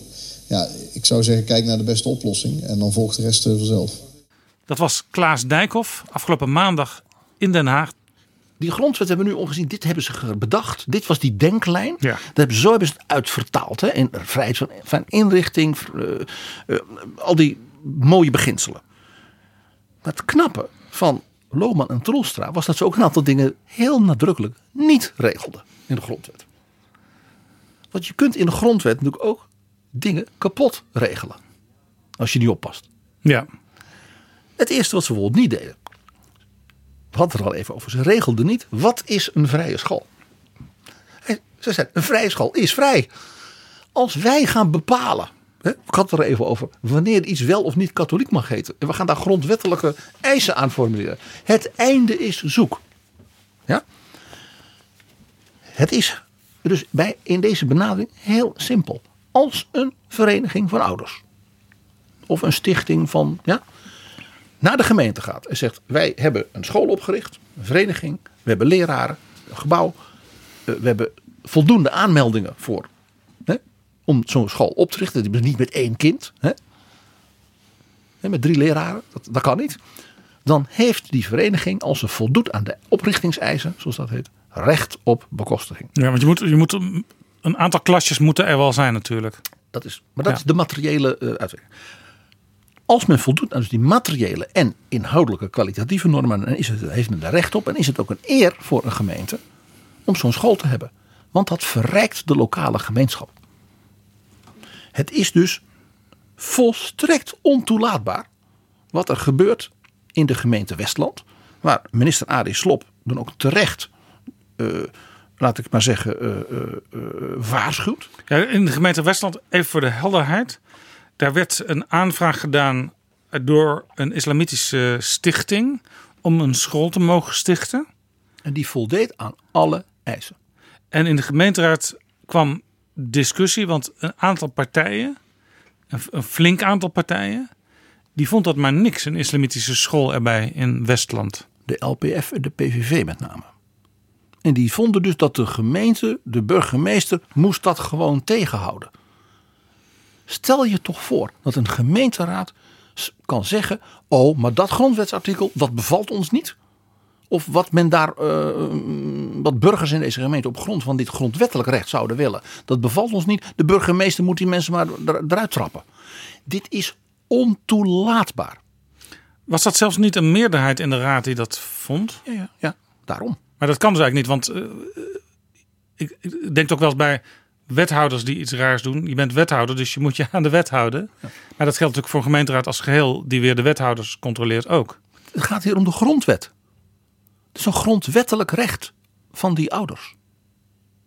En dat gaat boven, boven alles wat een gemeenteraad doet. Want ja, dat is de basis voor de iedere handelen. burger heeft zich aan de grondwet te houden in Nederland. Hadden we met elkaar afgesproken. En dan ben je dus een gekozene door de burgerij. En je nou, ja, ik, je hoort, ik, ik stotter bijna. Je spoelt de grondwet gewoon even door de play. Dus eigenlijk zou uh, minister Kajsa Olongren... Zij mag, van... mag, ik het, mag ik het zeggen? Ik vind dat mevrouw Olongren, als ze dit, als ze dit volhouden... Dus uh, Arie Slob mag nog één keer waarschuwen. En als ze dit volhouden, dan moet ze die gemeenteraad, wat mij betreft, ontbinden. En nieuwe Zo. gemeenteraadsverkiezingen uitschrijven. Dan zeg je nogal wat. Een gemeenteraad die, in meer, die dus de grondwet buiten werking wil stellen. Dat is ontoelaatbaar. Olongren is verantwoordelijk voor de grondwet. Zij is de hoeder van de grondwet, zeg maar, als minister van Binnenlandse Zaken en Koninkrijksrelaties. Dus die rol zou ze dan voluit moeten nemen op zo'n moment. Daar moet ze trots op zijn. Zij is de verdediger van de grondwet in haar rol. Namens de regering. Dus niet namens het kabinet Rutte 2, namens, ik, hoor, ik zeg het bewust, de regering. De regering die een permanente situatie is. En artikel 23 zegt het zo mooi. Het onderwijs is een aanhoudende zorg van de regering. En alleen al op grond van dat beginsel zou zij gewoon moeten in kunnen grijpen. Ja, en waarschijnlijk is die gemeenteraad van Westland eh, zitten daar weinig vaste luisteraars van betrouwbare bronnen in. Want uh, ik heb het idee dat die gemeenteraad helemaal niet beseft dat zij morrelen aan de grondwet. En aan dus de basisprincipes van onze rechtsstaat en democratie. Ja, je hoort, ik neem dit zeer serieus. Wat hebben Lohman en Troelstra evenmin geregeld? Een soort blanco cheque voor die vrije schoolbesturen. Zo van, wij richten een school op, komt u maar met het geld. Ja. Het bekostigingsrecht en de gelijkstelling van dat geld tussen openbaar en wat wij nu bijzonder noemen, hè, toen vrij, hangt af van die heldere eisen van deugdelijkheid. Dat betekent dus, en nu gaan we een andere casus die op dit moment speelt, het Haga Lyceum in ja, Amsterdam. We noemen het al eventjes. Ja. Daar schijnt men te denken dat men een soort recht heeft op een eigen invulling in confessionele zin, hè, islamitisch. Je hebt ook scholen, je had de Iederwijs-scholen, die een soort excentriek pedagogisch theoretisch concept hadden. En die zeiden: wij kunnen ons afkeren van de samenleving in een soort splendid isolation. Wij zijn zo exclusief en zo uitnemend. De inspectie van het onderwijs heeft hier niets te zoeken. Wij hoeven ons niet te verantwoorden. Dat is volstrekt ontoelaatbaar. Er is recht op hoogwaardig, kwalitatief, publiek getoetst onderwijs. En daarbij mag je dan je eigen richting en inrichting realiseren. Dat is die vrijheid. Die vrijheid is dus niet dat je de rest tegen de rest van de samenleving recht, je kan mijn rug op. Ja. Dus als deze school deze attitude blijft houden. En vandaar dus dat ik zei, ik vond het niet verstandig van de burgemeester, want zij gaat hier niet over. Nee. Dan moet minister Slop eh, eh, daar dus ingrijpen en desnoods dreigen met het ontnemen van de bekostiging. Ja, ieder zijn rol dus. In dit geval niet de burgemeester, maar de minister. Dus het idee dat wel eens leeft, dat je omwille van het feit dat je vanuit een geloofsrichting zo'n school opricht en onderhoudt en die ouders daar naartoe gaan, dat je daarmee als het ware kunt doen alsof de rest van de samenleving je niet aangaat, dat is dus misverstand nummer 7. Om je een idee te geven, je denkt, god die Lohman, dat, dat was toch een hele strenge CHU hervormde eh, staatsrechtgeleerde. Ja, maar als jonge rechter in Den Bosch had hij kinderen en die groeiden daarop. En in Den Bosch had je al, eigenlijk alleen maar katholieke parochiescholen. Ja. En hij heeft toen met andere ouders samen de gemeente ertoe gebracht een openbare school te stichten voor zijn kinderen en die andere kinderen. Ja. Vanuit het idee, er zijn niet genoeg protestants-christelijke kinderen. Maar er zijn wel kinderen van diverse komaf. En die kunnen samen naar de openbare school. Dus die manier van denken, van die vrijheid is er voor iedereen. Maar dan moet je ook allemaal, ja, niet van de samenleving afkeren. Maar dan moet je zorgen dat hè, dat er goed onderwijs Ja. is. En daar ook trots op zijn dat En, je dat doet. en op een openbare school wordt ook aandacht besteed aan eh, religieuze zaken, aan godsdienst. Tegenwoordig, tegenwoordig wel. Dat was toen in die, in die tijd was dat ietsje anders. Hoe de, het, het onderwijs in de 19e eeuw georganiseerd is, dat is een hele aflevering apart. Nog een ding wat Lohman en Troelstaat dus niet regelden. Ze bouwden geen enorm bouwwerk van wetten. Dat artikel 23 is heel slank. Ja, een paar regels. Ja. Die hele briljante denklijn, die, die brug waar ze over wandelden, mondt uit in die hele verfijnde formulering. Er kwam alleen maar dus een definitie ten principale van wat vrijheid is en dus gelijke bekostiging. Ja. Dat hebben ze gedefinieerd. Nadien moesten dus de ministers, de kabinetten van de toekomst, dat bestel, waar ze dus de bestelverantwoordelijkheid hadden, gaan realiseren, vormgeven. Maar de bodem, het fundament van dat gebouw, dat lag er. Ja, jij zegt eh, het is een heel korte tekst eigenlijk. Ik herinner me dat bewindslieden, ik dacht ook Nel Ginja Maas waar we het straks over hadden, op een kaartje in hun portemonnee de tekst van dat artikel eh, altijd bij zich droegen. Zodat ze in elk debat dat tevoorschijn konden toveren. Beste Jaap, dit ontroert mij. Want inderdaad, Nel Genjar was de eerste die dat deed. Die zei, ik word ook in mijn eigen partij, de VVD... vaak door mensen die denken dat het liberaal is, dit en dit. En ik heb het altijd bij me en dan lees ik het voor. Inderdaad, eh, je weet, ik heb het je wel verteld, ik heb erg van Tante Nel gehouden. Ja, ja ik heb haar Geweldige nog eh, als jongjournalist ook nog meegemaakt. Geweldige vrouw. Ja, ik herinner me haar nog. Ja. Zeer kleurrijk. We gaan, wel eens een keer, we gaan een keer over de vertellen als we het hebben over bijzondere vrouwen in de Nederlandse politiek. Het was dus de opvolger van Lohman als leider van de CDU, dominee de Visser, die minister van OKNW werd.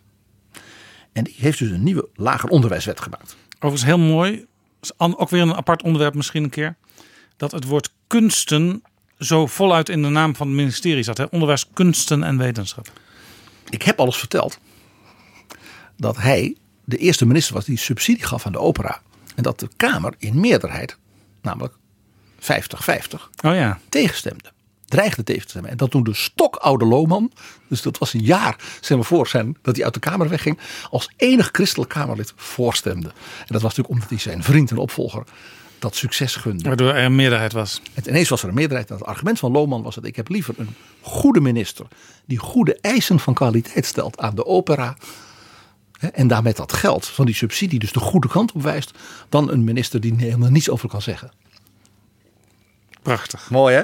Nou, de leider van de VVD, de oprichter van de VVD, de, de P.J. Oud, ook burgemeester van Rotterdam. Pieter Oud. Ja, die heeft een heel beroemd boek geschreven over de geschiedenis van de Nederlandse parlementaire eh, ontwikkeling. 1870, 1940. Ja. En ik lees nu voor. In de oorspronkelijke uitgave in een aantal delen uitgegeven. Zeker. Een heel erg, erg goed boek. Je kunt het nog altijd met veel plezier ook lezen. En ik lees voor wat hij zei over hoe de visser dus die grondwet vertaalde in die nieuwe wet en het debat daarover in de Kamer. Zelden is een ontwerp op zo voortreffelijke wijze verdedigd als deze schoolwet. Ja, heel dus. veel waardering dus. Hij kon, ze konden dus op dat, dat, zeg maar, die, die, dat fundament van Troelstra en Lohman dus hele goede verdiepingen bouwen. En dat zien we tot de dag van vandaag. Wat ze ook niet deden, Lohman en Troelstra, was een, mag ik zeggen, Frans of Sovjet-etatisme voor het openbaar onderwijs invoeren. Want dat, de verleiding daartoe was natuurlijk groot. We gaan, hè, de minister die gaat dat openbaar onderwijs aansturen. En als het overal in Nederland is dan hetzelfde. Nee. Nee, zeiden ze, dat moeten we vooral niet doen. Een Limburgse gemeente met een Limburgse wethouder van onderwijs praat met de Limburgse ouders en de Limburgse scholen op een andere manier dan de Amsterdamse wethouder in de Vondelparkbuurt of de Amsterdamse wethouder in de Bijlmer. En in Den Haag is het, on, is het, zal het, openbaar onderwijs in Marlot een beetje anders zijn qua sfeer dan de Schilderswijk. Dus een, een school neemt in zekere zin een beetje de kleur aan van de omgeving. Ook het openbaar onderwijs in Nederland is dus daarin vrij. In de zin van dat het divers is en verankerd in zijn gemeenschap. En dat is dus de vrucht van dat het openbaar onderwijs van de gemeente is gebleven. Dat was dus te danken aan Torbekke. Die eigenlijk dat deed als een soort stopgat, stopgap. Ja? Uh, als er nou niks is, dan moet de gemeente dat maar doen. Dat is dus achteraf door Lohman en Troelstra, als het door dat herformuleren van die vrijheid, en is een hele gelukkige keuze. Het is van negatief in positief geformuleerd. Ja. Wel regelden ze in die schoolwet van de visser dat er altijd voldoende openbaar onderwijs moest zijn. Want dat eisten de liberalen, de socialisten, als een soort extra garantie bij het grondwetsartikel. En de visser, de CAU-man, zei: U heeft volstrekt gelijk.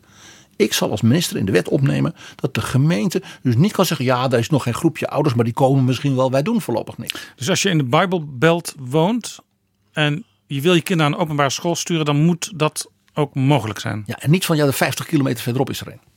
De bisschoppen, dat is zo prachtig, de bisschoppen hebben zich daarover uitgelaten. Want dit speelt natuurlijk in Brabant en Limburg. En in Twente en in de Bollenstreek, waar nu 98% van de mensen Rooms was in die tijd. Ja. Dus ja, die gemeenten, die waren, de bestuurders waren allemaal Rooms. Dus ja, waarom openbaar onderwijs? Hè? Dus de dominee de visser, ja, een hervormde dominee, de minister, zei elke gemeente moet waar dat nodig is. En je hoort ervoor te zorgen dat die kinderen naar school kunnen. En toen hebben de bisschoppen de prachtige, die hebben een mandement in, al, in, overigens al eerder in de 19e eeuw uitgegeven. En toen zeiden ze dat het oprichten van openbaar onderwijs in dus de katholieke gemeenten een droeve noodzakelijkheid is. En misschien een, een, een schrale troost, een kleine troost voor die bisschoppen dat dat meestal toch nog wel een katholiek was die als wethouder dan de verantwoordelijkheid voor die openbare school droeg. Natuurlijk. Maar het grappige, een droeve noodzakelijkheid. Dus ze erkenden, dit is noodzakelijk voor de vrijheid van geweten. En wij vinden het ook treurig dat er in Limburg en in Brabant, dat niet alle kinderen natuurlijk uh, uh, zingen en, en wat al niet. Prachtig, een droeve noodzakelijkheid.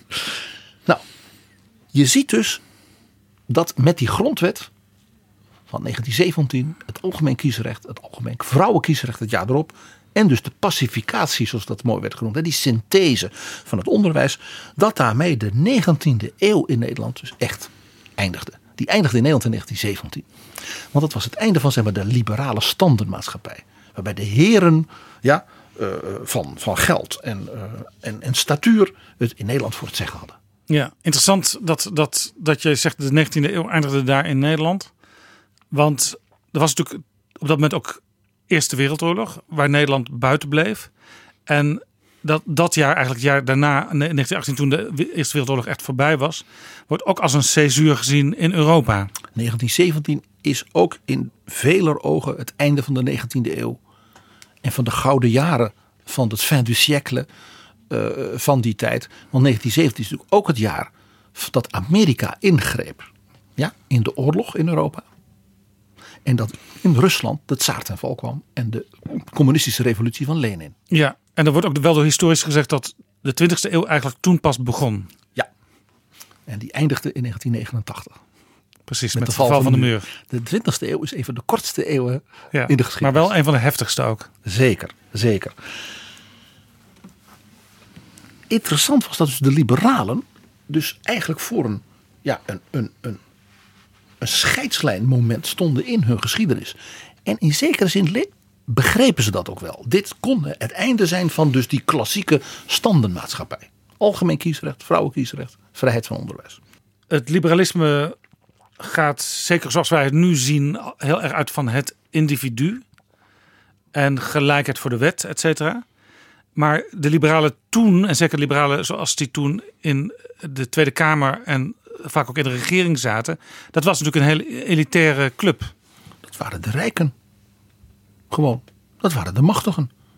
Je had in die tijd nog een zogenaamd huismanskiesrecht. Je had stemrecht op, op grond van, van je vermogen en dergelijke. Ja, wij kunnen ons dat algemeen mannenkiesrecht en daarna vrouwenkiesrecht. Dan was dus echt een enorme doorbraak. Ja, dus het was voor een deel van de liberalen ook wel een beetje slikken dat zij ineens algemeen kiesrecht moesten toestaan. Ja, en, die, en, en al die, die, die, die, die, die, die christelijke klompenscholen die nu geld kregen van de belastingbetaler. Van wie? Dus van hen. Ja, zij betaalden belasting. Ja, ja. Dus partijleider Tiedeman heeft dus op in de partij gezegd: alles afwegend, ik blijf tegen die grondwetswijziging over het onderwijs. Ja, hij toonde zich daarmee dus een conservatief liberaal. Ja, of juist een links-liberaal. Maar het is maar hoe je het wil zien. Nou, dat lijkt me niet, want algemeen kiesrecht dat hoort toch echt wel bij de progressieve kant van het Hij was tegen die grondwetswijziging voor het onderwijs. Hetgeen overigens weer aangeeft dat het dus niet een soort deal was. Hij was tegen. Ja. En toen moest er een partijcongres komen, om, en terecht natuurlijk, van wat gaan wij als partij hier nu van vinden. En dat was ook van belang natuurlijk voor de Kamerleden. En het partijcongres heeft gediscussieerd en de partijleiders zeiden ik ben tegen. En toen werd er gestemd. 52 voor de grondwetswijziging, 7 tegen. Dus een van de meest verwoestende nederlagen van een partijleider op een zo belangrijk, ja, groot punt in onze parlementaire geschiedenis. In de Tweede Kamer heeft uiteindelijk één liberaal Kamerlid tegengestemd. De heer Liefdink. Dat is waarschijnlijk een oom van de latere Piet Liefdink, minister van Financiën. Voor de PvdA. Na de oorlog. Ja. Het was ook een overzichtelijk congres dan. Want er namen, als ik het goed zie, maar 59 mensen aan deel. Nou, er hebben 59 stemmen zijn uitgebracht. Ah ja, dat, je weet nooit afdelingen zijn. Ja, ja, ja, ja. Dat betekent dus dat de grootste partij van die tijd, de liberalen, vanaf het begin, hè, zie dat partijcongres, de dragers zijn van wat wij nu artikel 23 van de grondwet noemen. Ik noem dit misverstand nummer 8. Want je weet, men vaak zegt men, ja, dat moest van die christenen. Nee, het waren de liberalen die in grote meerderheid tegen hun partijleider in zeiden, we gaan dit doen. Ja, en dit is dus ook wat je nu nog steeds ziet in die grote discussie, ook uh, deze week weer tussen aan de ene kant Segers van de ChristenUnie en Dijkhoff van de VVD aan de andere kant. Uh, dat veel mensen in het publiek daar naartoe gingen met het idee, straks gaan we Segers horen die artikel 23 zal verdedigen en Dijkhoff die daar waarschijnlijk op af zal dingen. Die wil daarvan af. Ja. Want de VVD heeft ook al aangekondigd uh, bij monden van Dennis Wiersma, Kamerlid, om samen te werken met de Partij van de Arbeid in het veranderen van artikel 23 van de grondwet. Ik sprak Dennis Wiersma gisteren wandelend om de Hofvijver. Want we kwamen elkaar daar tegen en die zei: Wat was dat geluidsvreselijk via de livestream. Maar ik heb het hele verhaal, de hele discussie gevolgd. En jouw verhaal, PG, dat was het enige dat het geluid het al doordeed. Het zal wel toeval zijn. Ja, nee, want artikel. Want de discussie in het Edith Stein College is uitgezonden op NPO Politiek. Politiek 24. En het geluid was inderdaad belabberd. Maar jouw stem klonk als altijd welluidend. Nou, in ieder geval Dennis Wiersma had het gehoord. En ik, ken hem toevallig, hij was bestuurslid van de Landelijke Studentenvakbond. En zei hij nu ook, ik zie toch af van het veranderen van dat artikel? Nee, nee, nee, de discussie gaat voort. Maar dat was, dat was erg leuk dat ik nou hem toevallig dus de volgende dag uh, uh, uh, aan de Hofvijver tegenkwam. Je ziet dus dat in de liberale kring er dus nog steeds mensen zijn die een soort nostalgie hebben. Ja? En eigenlijk zijn dat dus etatisten gebleven, zoals in de 19e eeuw. De heren van stand die van bovenaf de scholen wel vertelden hoe ze hè, de christelijk-nationale deugden, zoals dat heette, hoe dat in het curriculum moest. Ja. Etatisten zoals dus ook de door jou al verfoeide Fransen. De Fransen in dit opzicht, ja. Uh, het grappige is, de bondgenoten van dus die liberalen, die zitten dus in de Kamer in Nederland bij de SP, bij GroenLinks, delen van de Partij van de Arbeid en wat ik altijd wat spottend noem de seculiere salafisten van D66. Zonder dat ze dat zelf, denk ik, wel eens beseffen, willen zij dus terug naar de tijd tussen 1848 en 1917. De Rijksoverheid die dicteert wat de inhoud is van het curriculum van het openbaar onderwijs. En de rest van de samenleving moet maar zien hoe ze haar boontjes dopt. Dus er is dus. En dat is een fascinerende combinatie van 19e eeuwse affecten. Namelijk Jacobijnse dwang van de Franse Revolutie en de nachtwakerstaat. We regelen niks. Het was de VVD, partijfilosoof en ook machtig man in de, in de Kamer, Harm van Riel, die dit ooit eens heeft genoemd. Dit is de beslissende fout geweest van de liberale leider Capijna van de Coppello in 1874. Die dus na de dood van Thorbecke op het punt van het onderwijs dus onmiddellijk afstand nam van de lijn van Thorbecke. Jan Capijna van de Coppello. En Harm van Riel die zei dat is de beslissende fout geweest van de liberalen in de 19e eeuw. Ja, Harm van Riel, een hele belangrijke man. Uh, nog in de jaren 70 in de VVD. Die dus zeer kritisch oordeelde over een verre voorganger Jan Capijnen van de Coppello. En Harm van Riel was natuurlijk zeg maar de leermeester van Hans Wiegel. Hans Wiegel. Ja.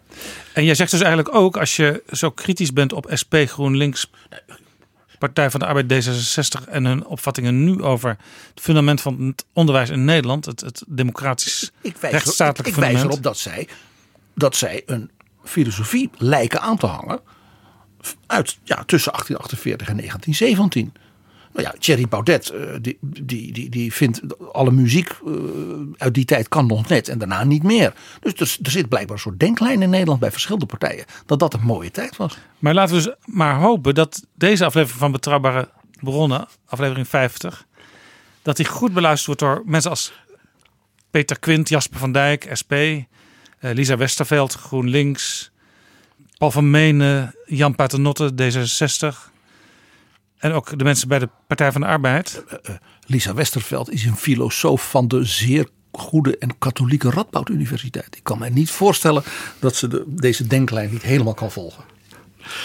Nou, eigenlijk wat je dus ziet, Jaap, is dus hoe anders dan vaak gedacht. Dat artikel 192 van de grondwet van 1917 was dus bedacht door die twee briljante, ook literair briljante mannen een van 80 en een van in de 50, hè, CAU en socialist. Maar het was een liberale triomf. Politiek. De premier Kort van der Linden en zijn kabinet, met de volle steun van dat partijcongres, tegen de partijleider in, zeiden: Dit moesten we maar doen. En ik vind dat dus interessant. Wat presteerde dus nou premier Kort van der Linden als minister-president? Heel kort en bondig. Ja. Hij concretiseerde door dus burgers gelijkberechtiging te geven bij de ondersteuning van de opvoeding van hun kinderen, wat Thorbecke als beginsel had gepostuleerd. Onderwijs is vrij, maar dat niet had kunnen uitwerken. Twee, hij blokkeerde dat er in het nieuwe Nederland dat ontstond, verzuild Nederland, er dus meer dan één iemand was die de bestelverantwoordelijkheid had voor onderwijs. Dus niet iemand namens het Vaticaan en iemand namens de gereformeerde synode en iemand namens en dan ook nog iemand namens de gemeente voor het openbaar onderwijs. Je moet er niet aan denken dat dat was gebeurd. Dan had je segregatie bevorderd door artikel 23 van de grondwet. Nu, doordat de bestelverantwoordelijkheid en het toezicht, ja, de inspectie, bij één iemand ligt. En dus glashelder wie? De minister democratisch gevalideerd. Is dat dus voorkomen. Drie. Premier Kort van der Linden zorgde dat dus de, de vrije scholen, zoals Lohman had gezegd, normen accepteerden die worden vastgelegd voor de openbare. Het onderwijs is een aanhoudende zorg van de regering. Al het onderwijs. En daarin was hij dus strenger dan zijn grote liberale voorganger Thorbecke die in feite zei, die vrije scholen moeten particulier initiatief, ze doen maar. En dan hebben we hier en daar nog wat openbare scholen waar niks gebeurt.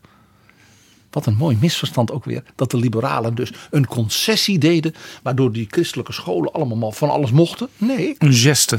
Het, ze waren in feite strenger dan Thorbecke.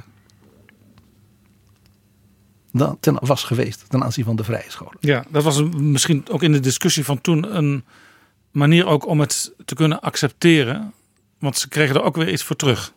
Dat was dus Lomans brug. Waar hij over wandelde. De premier, de liberale premier, de laatste voor Mark Rutte. Zorgde dat dus in Nederland nu elke, elk kind dezelfde startkans kreeg. Om in het leven iets van zichzelf te maken. Artikel 23 is ook de basis van zeg maar, het talent bevorderen door heel de samenleving van alle kinderen. Dan blokkeerde hij door deze manier met zijn kabinet dat dus andere kabinetten dan het zijne, een christelijk kabinet, een katholieke premier, een rood kabinet, Jos van Kemenade als minister waar de, VVD, waar de VVD zo bang voor was, dat die zou gaan bepalen wat een school, een leraar of een gemeente wel of niet zou mogen. Die wettelijke eisen betekenden ook vrijheid op de inhoud. Ja. Eigenlijk is er dus geen liberaler grondwetsartikel dan dat artikel 23 van de grondwet. Een prachtig misverstand. He?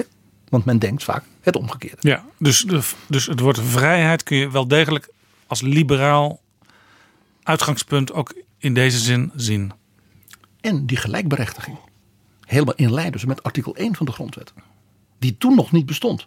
Dus artikel 23, artikel 192 zou je kunnen zeggen. Van Lohman en Troelstra was dus ook nog profetisch. Het legde neer gelijkberechtiging in gelijke gevallen. En dat is uiteindelijk artikel 1 van de grondwet van 1983 van Ed van Tijn geworden. Ja, overigens dat artikel 1 is uh, bedacht door de communist Marcus Bakker. Ja, die dat in eigen kring zelden heeft toegepast. En die daarmee dus een zeer liberaal principe zou je kunnen zeggen aan de grondwet heeft geschonken. Maar ook dus een principe van Lohman en Troelstra.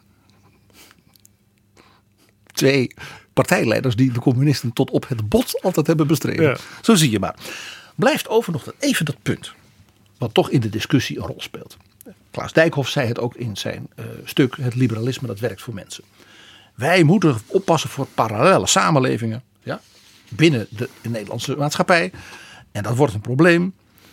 En dan wordt dus gehind dat komt door de vrijheid van onderwijs. Zo mogen we allemaal hun schooltjes oprichten. Dat is natuurlijk een enorm misverstand.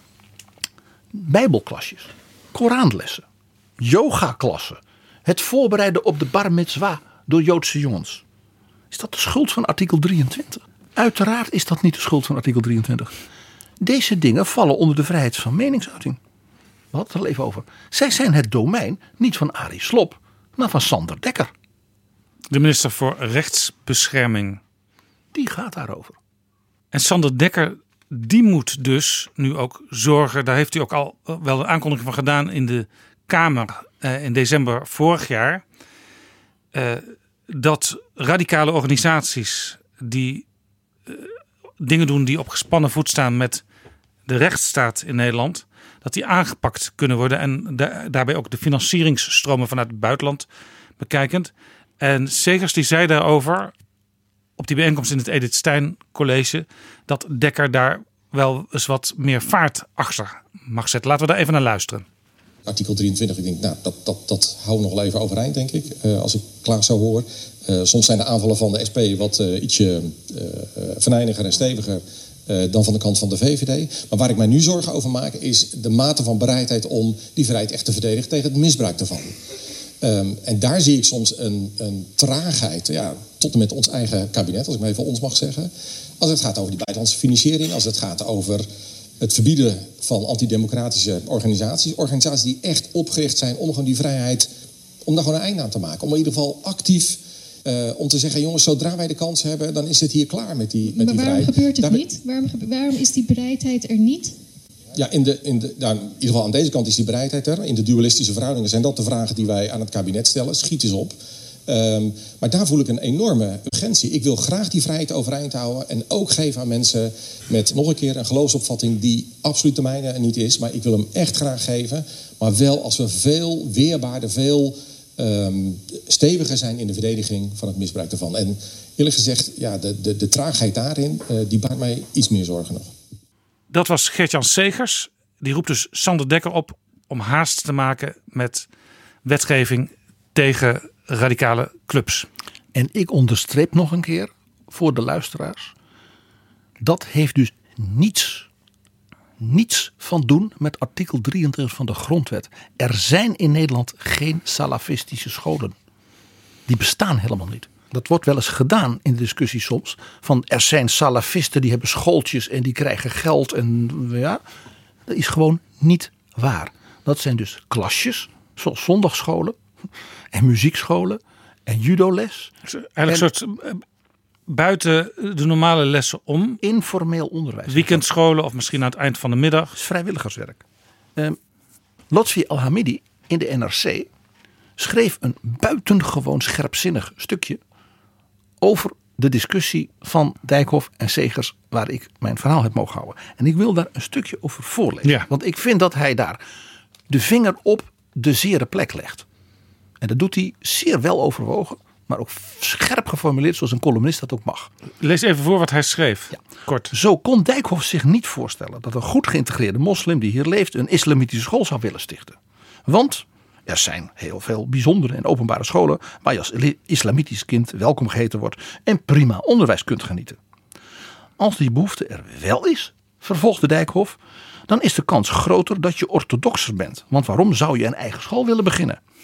Hier had Segers het principieel moeten opnemen voor zijn islamitische medelanders. Want uitgerekend hij zou die behoefte naar onderwijs op basis van eigen levensovertuiging moeten begrijpen. Ja, de, de, de moeilijkheden in die discussie rond dat Haga Lyceum. Die, hing, die hingen wel een beetje over die discussie heen. Hè. Ik had ook het idee dat sommige mensen op die bijeenkomst afgekomen waren. om dat probleem nu eens voor eens en voor altijd op te lossen. Ja, en jij maakt nu dezelfde denkfout. Want het Haga Lyceum, dat is artikel 23. En daar hadden we het over dat de minister ook alles zei. Die salafistische klasjes, dat is zondagschool. Dat heeft dus ook niets met het Haga Lyceum te maken. Dat heeft te maken met waar Pieter Omtzigt al vaker ja, vragen over gesteld aan meerdere kabinetten inmiddels. CDA-Kamerlid. Over dus geldstromen uit Qatar, uit Kuwait, uit Saudi-Arabië naar verenigingen in Nederland. Die zelfs daar een verdienmodel van maken. Die richten dus iets op. Dan krijgen ze dus een paar miljoen van een sheik. En zeggen ja wij gaan allemaal mooie dingen doen met die kinderen. En die sheiks die kennen Nederland ook niet. Die denken dus dat dat islamitisch onderwijs is. Ja, en ik zal hierover... En die denkfout die kan niet vaak genoeg bestreden worden. Ik ga zo praten met Sander Dekker, de minister voor Rechtsbescherming. En dan zal ik hem ook hier, laat ik zeggen, mede namens Gertjan Segers, ook een vraag over stellen. Want ik ben ook wel benieuwd wanneer hij nu eindelijk daar iets aan gaat doen. Zodat we misschien ook afkomen van die vermenging in de discussie over de vrijheid van onderwijs. Hij zou als oud staatssecretaris op dat ministerie van Onderwijs in zijn huidige rol dus een zegenrijke werking kunnen hebben op het saneren en zuiveren van de discussie. Inderdaad.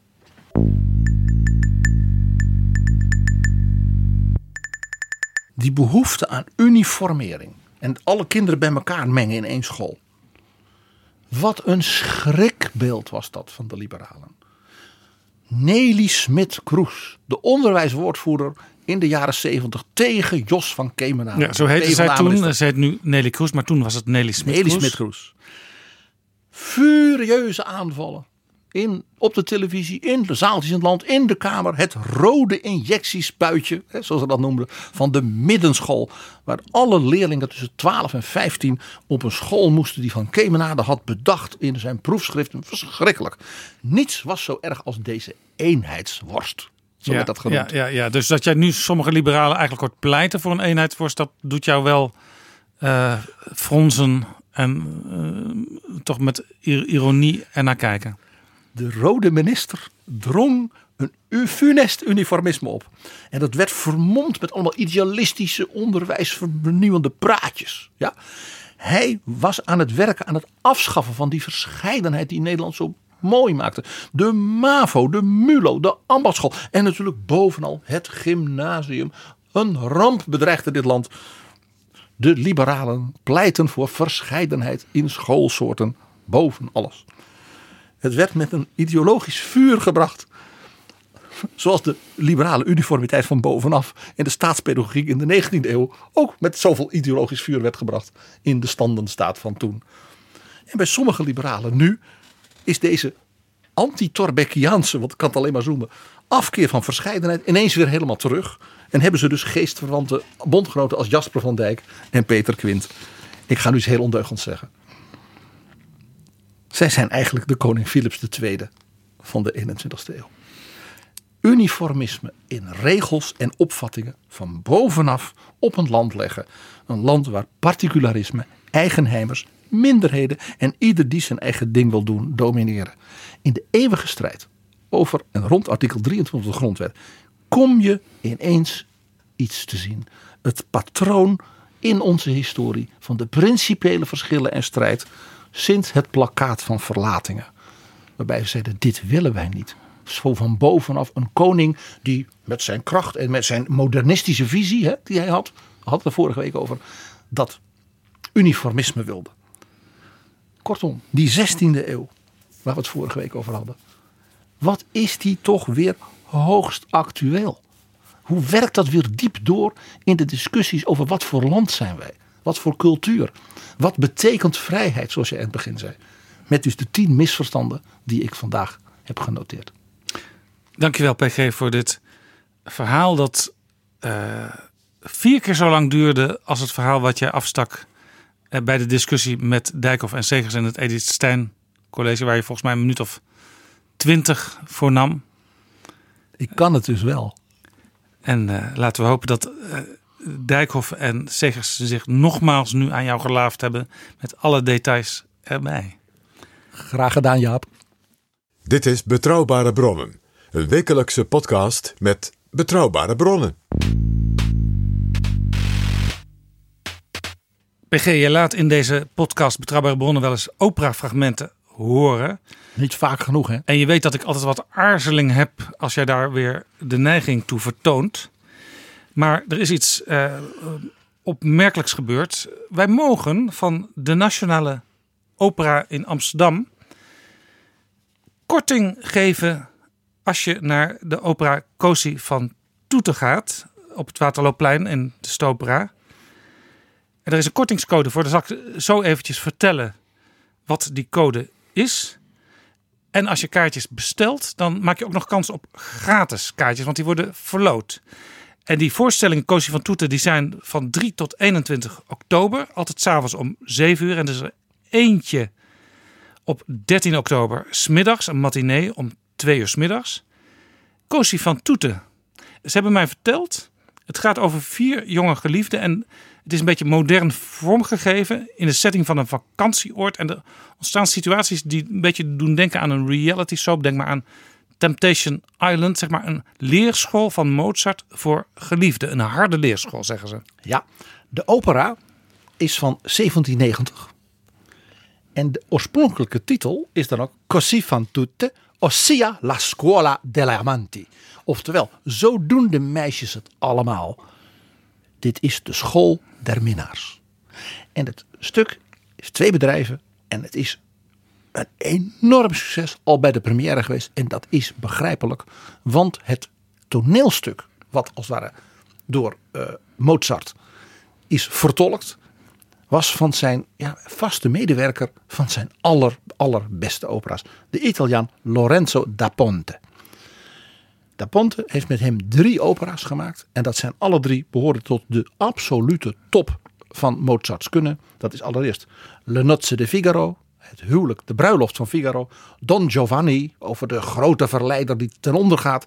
En als laatste, en misschien dus ook muzikaal als hoogtepunt, Così, zoals de opera ja, wordt genoemd. Ik ben niet heel erg onderlegd in opera's, dat weet je. Maar Così van Toeten, die naam die heb ik zeer vaak gehoord. Het is de opera over bedrog, zelfbedrog. Het najagen van het idee van de eeuwige liefde. En waarom alle meisjes, allochtone jongens, toch de leukste vinden. Allochtone jongens. Jazeker. Het is een radicale en een bittere komedie. Het is een komedie waarvan ik altijd zeg, maar het is geen komedie. Het is wel komisch, maar daar zit een soort scherpte en zelfs een zekere valsheid in. Van het bedrog en ook het zelfbedrog. Een beetje bitter dus ook. Ja, muzikaal is dit Mozart op zijn allerbest. Het is vrolijk, het is oneindig vindingrijk. En waar nodig, hij durft dus die bitterzoete toon er doorheen te laten komen. En zelfs gewoon vals. Bijvoorbeeld de rol van het bediend, de bediende, Despina, dat meisje, dat sluit een complot ja, met zeg maar, de leermeester van de twee jongens. om dus die twee meisjes te bedriegen. En zij zit in het complot. En zij vindt het leuk om als bediende die aristocratische hè, meisjes waar ze voor werkt te belazeren. Dus er zit ook iets, het is dus meer gelaagd bedrog. Levenslessen. Ja. De kleine Wolfgang, hè, die in 1765 aan het Binnenhof in de oude vergaderzaal hè, van de Kamer. Wolfgang Amadeus Mozart. Zijn eigen werken speelde. 25 jaar later was hij volleerd en in vele ogen zelfs volmaakt als componist. Nou, we gaan nog even iets heel anders. Così is een werk van die Lorenzo da Ponte. En dat is een typisch werk van deze man. Da Ponte was een enorme levensgenieter en een rebel. Hij was een, als Joodse jongen bekeerd tot het katholicisme en gedoopt. En dat was voor zijn carrière. Sterker nog, hij werd vervolgens zelf katholiek priester. Hij wou carrière maken in de, in de kerk. Dus hij was wat we tegenwoordig de diversiteit uh, zouden noemen in, eigen persoon. In, in, optima forma. Nou, het wordt nog gekker. Ja, het wordt nog gekker. Lorenzo da Ponte is verbannen uit Venetië. Want hij had een maîtresse en kinderen. Als priester. En hij had hele linkse revolutionaire opvattingen. Vervolgens is hij in Wenen door keizer Jozef II. Die is al een keer bij ons langs geweest in Betrouwbare Bronnen. Toen we het over Oostenrijk en Rusland hadden. Aan het hof gekomen. Want hij was literair zo briljant. Dat de keizer zei. Ja, hij is al misschien een priester geweest. en Jood. Maar hij is gewoon vreselijk goed. En hij werd dus de nummer één tekstdichter. Voor de opera en, de en het toneel van keizer Jozef. Nou, hij heeft van alles uh, daar in Wenen gedaan. Dus gewerkt met Mozart, gewerkt met Salieri, met alle andere grote opera uh, componisten van die tijd. Maar ja, hij was een rebel, uh, een revolutionair. Dus in 1805 uh, is hij verhuisd. Naar het enige land waar je als rebel en revolutionair vrij kon leven. En dat was Amerika. De nieuwe Verenigde Staten. Ja. En hij is het lag niet van 1805 tot 1839, toen hij stierf als 90-jarige, van alles in Amerika geweest waaronder hoogleraar Italiaanse taal en cultuur aan Columbia University. En het allermooiste, hij werd de oprichter en de directeur tot zijn dood van de allereerste professionele opera in het nieuwe land. De Italiaanse opera van New York. Dus Da Ponte is bijna zelf een operafiguur. Het leven van Da Ponte is een film. En hij heeft dus samen met Mozart dat uh, stuk ja, vormgegeven en tot grote hoogte laten stijgen. En het was dus de derde keer dat samenwerkte. Je merkte die twee, dat was een, een, een duo dat elkaar dus ongelooflijk artistiek inspireerde. Nou, deze productie van de Nationale Opera is een reprise. Dus die is alles vaker gegaan. Van een behoorlijk omstreden regie. Uh, dus ga kijken naar wat die regisseurs, die twee uh, Duitsers, uh, wat ze van hebben geprobeerd te maken. Ik wil er even één ding bij zeggen de dirigent Ivor Bolton van dit stuk is een geweldige Britse Mozart-kenner. Die heeft ook in Amsterdam de Nozze di Figaro gedirigeerd en hij is geweldig. De groep zangers, heel veel nieuwe jonge mensen. Uh, en dat moet, vind ik ook altijd bij deze opera. Ja. Dit moeten jonge mensen zijn. Die... Angela Brouwer, Sebastian Kohlheb. Het is echt een opera voor dus ja, jonge mensen die zich ook kunnen inleven in ja, dat verliefd zijn, maar ook jezelf een beetje bedriegen. Want je, je denkt wel dat je verliefd bent, maar je bent misschien ook eigenlijk niet. En uiteindelijk ook dus die bittere ervaring van dat je elkaar dus allemaal hebben drogen. Ja, en ook Thomas Olimans, de bariton, zingt. Ja, en die zingt natuurlijk de, de, de, de leermeester van die twee jongens. Die met dus die Despina, dat, de, de, de bediende, dat meisje. Uh, dus die vier, die twee jongens en die twee meisjes, bedonderen. Ja, wil je daar naartoe met korting van betrouwbare bronnen, 25% korting en misschien wel kans op extra kaartjes die verloot worden? Ga dan naar www.operaballet.nl slash betrouwbare bronnen. Dus heel belangrijk, www.operaballet.nl slash betrouwbare bronnen. En dan kun je alleen komen als je dit nu hoort, dus luister goed. Want er is een kortingcode en die code die luidt heel eenvoudig podcast. Het woord podcast. En dan krijg je een kwart van de prijs cadeau. En de voorstellingen, ik vertel het nog maar even, zijn van 3 oktober tot 21 oktober. Elke avond om 7 uur, acht keer zijn die voorstellingen. En één keertje uh, smiddags om 2 uur en dat is op 13 oktober. Het is in de Nationale Opera en Ballet in Amsterdam, Waterloopplein, ook al bekend als de Stopera. De code, laatste keer dat ik het zeg, is podcast. En beste Jaap, we zijn nu net een jaar bezig. Dat we het nu zo ver hebben gebracht dat op de website van de Nationale Opera een speciale pagina is met het logo van Betrouwbare Bronnen. En daar staat op Corsi van Toeten en Betrouwbare Bronnen. Oftewel vertaald, zo doen alle meisjes het en Betrouwbare Bronnen. Laat dat, dit- ik dit, dat ik dit nog mag meemaken. Laat dit een aansporing zijn voor iedereen.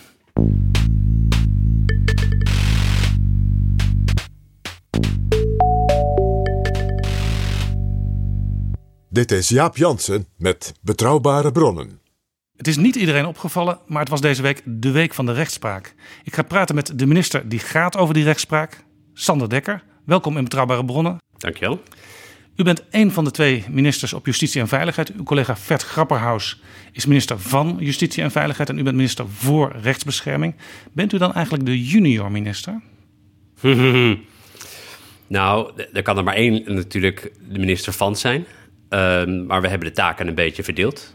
Eh Vert zit helemaal aan de voorkant. Hè, dus alles wat met politie te maken heeft en met opsporing. Daar zitten grote dingen bij als eh, terrorismebestrijding, eh, de, de strijd tegen de ondermijning. Ik zit wat meer eh, in de tweede helft van de wedstrijd. Dus waar de rechtspraak het overneemt en alles wat daarachter zit, bijvoorbeeld het gevangeniswezen en de reclassering.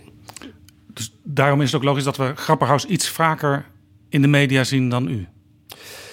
Ehm, als het bijvoorbeeld gaat om de strijd tegen ondermijning, hè, dat is natuurlijk echt, eh, heeft veel te maken met politie en OM. Dat zijn de dingen waar natuurlijk ook veel over geschreven wordt in de krant. Dan eh, zie je inderdaad mijn collega wat vaker dan ik. Ja, vorige week was de week van de algemene beschouwing, maar het was ook de week van de moord op Dirk Wiersum, de advocaat van kroongetuige Nabil B. Iedereen zei toen: dit is een aanslag op de rechtsstaat. We zagen heel veel Grapperhaus eh, in beeld. U gaat over de rechtsstaat. In hoeverre bent u bij zo'n zaak betrokken? Ja, we trekken daar samen in op. Dit was natuurlijk. Ja, wat er vorige week gebeurd is, was vreselijk. Eh, om allerlei redenen.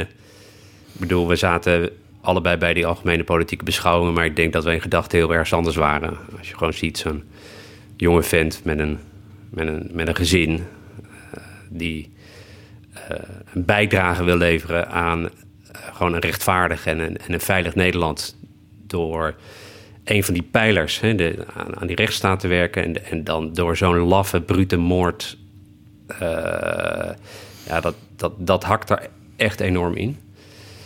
Ehm, het ging hier natuurlijk om een kroongetuige eh, die een belangrijke rol speelt in dat strafproces. En dan is het niet logisch, onlogisch dat er heel veel moet gebeuren op het gebied van beveiliging. Wat betekent dat voor die strafzaak? Ehm, dus daar heeft eh, mijn collega het voortouw in. Maar als we dan om de tafel zitten, ja, dan gaan de gesprekken natuurlijk toch ook met de advocatuur en met de rechters, waar ik verantwoordelijk voor ben. En die waren natuurlijk enorm aangeslagen. Heel veel officieren, rechters, advocaten die zich natuurlijk ook afvroegen: ja, als dat Dirk Wiersum overkomt, ja, kan dat mij ook gebeuren? En wat betekent dit voor mij? Kan ik straks nog op de fiets naar huis? Ehm, Ja, er zijn zelfs advocaten. Ik las deze week een aantal eh, jonge juristen die geïnterviewd werden in de krant. Die zeiden: Ja, mijn familie waarschuwt mij. Je gaat toch niet dat soort mensen, eh, kroongetuigen, straks verdedigen, want je leven is niet veilig. Ja, dat is exact natuurlijk de, de, waar, waar, waar, waar zeg maar in, de, in, in de basis dan de, de, de betonrot gaat intreden. Dat door de intimidatie van georganiseerde criminaliteit en misdaad, brute geweld, we zo'n basisprincipe dat iedereen in Nederland recht heeft op bijstand van een goede advocaat. Dat dat wordt aangetast omdat advocaten zich achter de oren gaan krabben. Kan ik dit werk nog wel doen? En dat is ook een van de redenen dat we vorige week hebben gezegd. Nu de georganiseerde misdaad deze grens is overgegaan, moeten we opnieuw kijken naar wat er nodig is in de bescherming en de beveiliging van deze mensen. Ehm, en daar is het besluit in ieder geval genomen om dat ook meer nationaal, meer centraal neer te leggen. Niet alleen maar lokaal, bijvoorbeeld in Amsterdam in dit geval bij de hoofdofficier, maar ook daar de NCTV eh, voor te vragen. Om dat naar zich toe te trekken. En op basis van analyses te kijken wat er nodig is om ook deze mensen veilig hun werk te laten doen. En dan zou het bijvoorbeeld kunnen dat uh, de DKDB, die bijvoorbeeld ook mensen als Wilders en soms een minister be beveiligen, dat die ook hierbij betrokken worden. Dat is een van de dingen die je dan in kan zetten. Ja. ja. Maar uh, er zijn natuurlijk een aantal prominente strafrechtadvocaten. Als je die allemaal gaat beveiligen, ja, dan moet je die, die dienst misschien wel verdubbelen. Kijk, als het gaat om beveiliging, moet je altijd kijken wat nodig is. Uh, en als het nodig is, moet het gewoon gebeuren. Het, het gaat hier om, om zoiets wezenlijks. Kijk, als, als dit wordt aangetast en als uh, er niet meer normaal recht gesproken kan worden in dit land, als advocaten bang worden, als officieren hun leven niet meer zeker zijn, ja, dat, dan ga, ja, dat, dat kunnen we ons niet veroorloven. Um, dus natuurlijk, beveiliging kost geld. Uh, maar we hebben vorige week ook gezegd... Uh, het begint erbij hier wat nodig is. Met een goede analyse. Wie heeft dit nodig? In welke mate? En ik heb ook echt de indruk dat in de gesprekken die wij voeren met het Openbaar Ministerie, met de Raad voor de Rechtspraak en ook met de Orde van Advocaten, dat we er ook echt schouder aan schouder staan om te zeggen, nou, daar gaan we ook samen in optrekken. Uh, dus, dus nou ja, uiteindelijk moet dit gewoon gebeuren. Deze week ging de rechtszaak weer verder. Dat gebeurde achter gesloten deuren. Kun je in een rechtsstaat uh, langdurig achter gesloten deuren zo'n zaak voeren? Nou, dat is niet wat we willen. Uh, bij een rechtsstaat hoort ook openbaarheid. dat iedereen kan zien wat er in de rechtszaal gebeurt. En ook daar zie je de consequenties van die vreselijke moord van, van vorige week. Dat het direct al op zo'n zaak invloed heeft. Tegelijkertijd, het is altijd aan een rechter en aan de rechtbank zelf om dit soort besluiten te nemen. Dus ik kan daar ook niet in, in, in treden. Tegelijkertijd, ik heb er wel begrip voor. Je moet een afweging maken op zo'n moment tussen openbaarheid en tussen veiligheid. En er is natuurlijk wel wat gebeurd vorige week. Ja, je hoort bij zo'n zaak dat uh, privacywetgeving uh, nu nog soms een snelle opsporing belemmert. U gaat over de privacy. Zeker. Kijk, en privacy is ook belangrijk u en ik willen ook niet dat onze gegevens zomaar op straat liggen. Uh, dus het is heel erg goed dat we in Nederland wetgeving hebben om ook onze privacy te beschermen. Maar privacy mag nooit een schild worden, mag nooit een excuus worden om dit soort vreselijke misdaad niet uh, uh, op te sporen. Dus het moet ook mogelijk zijn voor allerlei diensten, voor de Belastingdienst, voor opsporing, voor gemeenten dat als het gaat om de strijd tegen ondermijnende georganiseerde criminaliteit, dat je daar de mogelijkheid hebt juist om informatie uit te wisselen. En ik weet, mijn collega, daarvoor moet je een grondslag hebben in de wet. Dus dat moet je dan wel goed regelen als uitzondering op, nou ja, privacywetgeving. Die mogelijkheden bestaan, maar dan moet het wel goed geregeld worden. Dat zit allemaal in de pijplijn, wordt nu aan gewerkt. Is Nederland een narco-staat aan het worden? Ja, ik vind dat een heel vervelend een hele vervelende term, omdat het idee van een narco-staat suggereert dat ook de staat uh, zelf uh, een bijdrage levert of een rol heeft in het faciliteren van drugscriminaliteit. Uh, en ik geloof niet dat dat, dat dat in Nederland het geval is. wij hebben hele goede politiediensten, openbaar ministerie, rechters en er zit wel eens een rotte appel tussen, maar dat is echt de uitzondering op de regel waar we gewoon hele degelijke goede diensten hebben. Je ziet bijvoorbeeld in Zuid-Europa en in delen van Midden-Amerika, Zuid-Amerika, dat dat anders is. En dat de georganiseerde criminaliteit zich ingewerkt heeft in dat soort organisaties en dat er ook daarbinnen sprake is van corruptie. We moeten alleen niet naïef zijn. Uh, dit gevaar ligt ook in Nederland op de loer. Uh, als de georganiseerde criminaliteit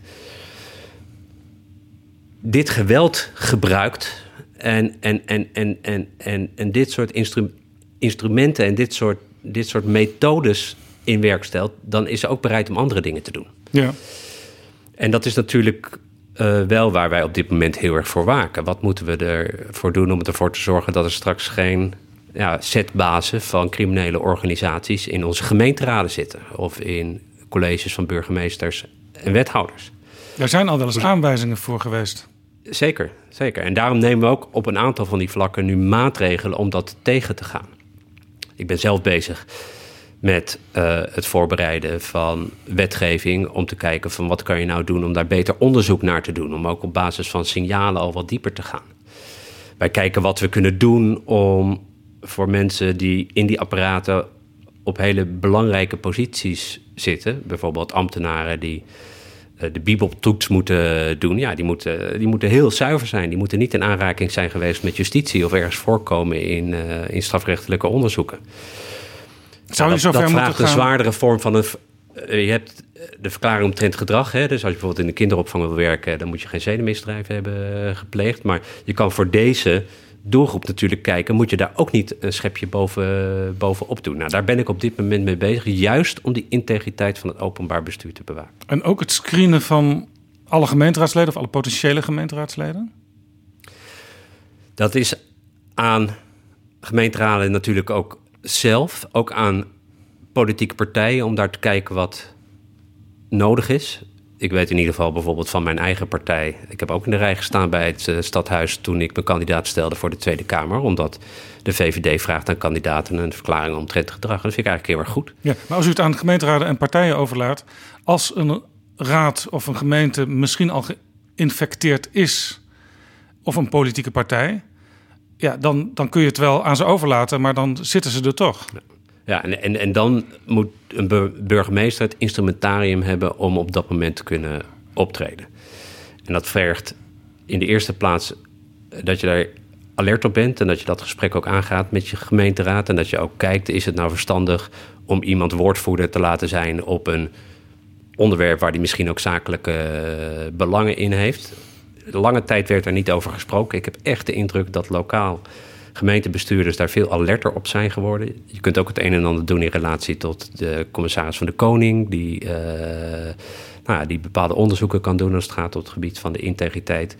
En ik weet dat mijn collega Kajsjo Longren ja, ook hier met de VNG steeds over praat. Wat is er nodig om die integriteit van het openbaar bestuur te bewaken? Want we willen uiteindelijk, dat is het verschil tussen een narco-staat en Nederland. We hebben een heel groot drugsprobleem in dit land. Producent, exporteur, noem het maar op. Uh, we moeten niet naïef zijn, dat is in Nederland erger dan in veel andere Europese landen. Maar ik sta nog steeds wel in voor ons eigen bestuur en de integriteit daarvan. Alleen we moeten het bewaken. Ja, ik ben zelf uh, op vakantie geweest in Colombia en dat werd ooit een narco-staat genoemd. Daar kon ik ook gewoon het graf van Pablo Escobar en zijn familie bezoeken. Daar werden elke dag verse bloemen gelegd en daar leerde ik als je geld hebt, heel veel geld, en dat komt ook uit die drugshandel, dan kun je eigenlijk alles. Dan kun je hele, hele stadswijken eigenlijk kopen die dan voor jouw veiligheid zorgen als crimineel. We moeten zorgen in Nederland dat we niet dat pad op gaan. Uw collega Vert Grapperhaus die, die laat heel vaak doorschemeren als het gaat om uh, bijvoorbeeld experimenten met uh, wietlegalisering. Dat, dat, ja, dat staat in het regeerakkoord, maar hij vindt het eigenlijk maar niks. Bent u dat met hem eens? Ik weet niet wat hij door laat schepen. Volgens mij wordt er gewoon keurig gewerkt langs de afspraken van het regeerakkoord. wat we daar hebben afgesproken. Namelijk dat we in Nederland toch een beetje een gekke situatie hebben met een gedoogbeleid. waar twee signalen van uitgaan. Uh, namelijk dat het aan de ene kant verboden is. maar je het wel op iedere hoek van de straat kan kopen. Um, en laten we eerlijk zijn, dat heeft ook ertoe geleid dat we staan waar we nu staan. Um, nou, dan kan je twee dingen doen als je zegt de, dat, dat, dat dubbele, hè, die gespleten uh, geest rond, rond dat drugsbeleid aan de ene kant verbieden, aan, het, aan de andere kant toekijken. Ja, daar stoppen we mee door sterker en, en zwaarder te handhaven. Dat is de ene kant van het verhaal. En anderen zeggen van, ja, kijk ook naar een aantal staten, bijvoorbeeld in de Verenigde Staten, een aantal andere landen die overgaan tot de legalisering. Dat is een betere uh, uh, route. Ik weet niet wat beter werkt. Ik heb daar wel wat ideeën over, maar we hebben nu in deze coalitie afgesproken: laten we het gewoon maar eens op kleine schaal proberen. Uh, want dan zien we ook wat werkt. En dan zien we of het een bijdrage levert aan meer veiligheid. En dan zien we wat het effect is op de volksgezondheid en op het drugsgebruik onder jongeren. Mijn advies aan alle jongeren is: doe het vooral niet. Gebruik geen drugs. Uh, er zijn andere leuke manieren om een feest te vieren. Had u dit zelf kunnen bedenken die experimenten zo doen? Nou, het kwam niet uit de koker van de VVD. Ehm, ehm, ehm, maar we zitten hier uh, breed als kabinet. We hebben hier gewoon heldere afspraken over gemaakt. En dit is volgens mij een goed compromis. Uh, niet de ene kant op of de andere kant op, maar gewoon kleinschalig eens kijken en proberen wat werkt. U zegt gebruik geen drugs. Heeft u zelf wel eens drugs gebruikt? Ja, ja, ja, ja, dit is een beetje bekentenispolitiek, maar ik ben ook puber geweest en ik heb ook wel eens een jointje gerookt. Uh, en ook wel eens uh, meer dan één keer, maar uiteindelijk vond ik het helemaal niet zo leuk en lekker. U gaat over de rechtelijke organisatie van Nederland. Daar, daar is de afgelopen jaren heel veel geklaagd. wij kunnen de werkdruk niet aanzaken. Het duurt soms jaren voordat zaken afgehandeld zijn. Vaak te weinig rechters. U wil daar wat aan doen. U heeft zo'n 100 miljoen euro per jaar extra uitgetrokken voor de rechterlijke macht. Ja.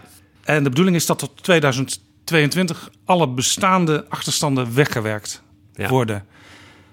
Betekent het dat er dan in 2022 geen achterstanden meer zijn? Of zijn er dan inmiddels weer nieuwe achterstanden bijgekomen? We gaan er nu vanuit dat met dat geld dat we uittrekken... en 100 miljoen is echt fors. Hè? Je moet je voorstellen, we trekken zo op dit moment zo'n zo miljard uit voor. Dus het is ongeveer 10% er daarbovenop.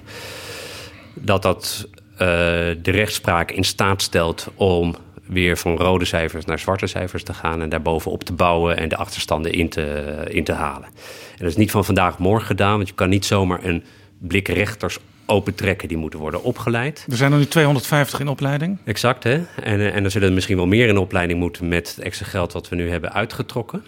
Um, maar de rechtspraak zelf zegt: wij kunnen daar nagenoeg alle achterstanden in de komende drie jaar mee wegwerken. Tegelijkertijd hoor je dat het aantal zaken afneemt. Dan kun je ook denken van wacht even en het lost zichzelf op. Ja, maar daar staat echt wel. Eh, daar is natuurlijk heel erg lang over gesteggeld, ook in het verleden. En ik ben blij dat daar een keer een einde komt aan die discussie.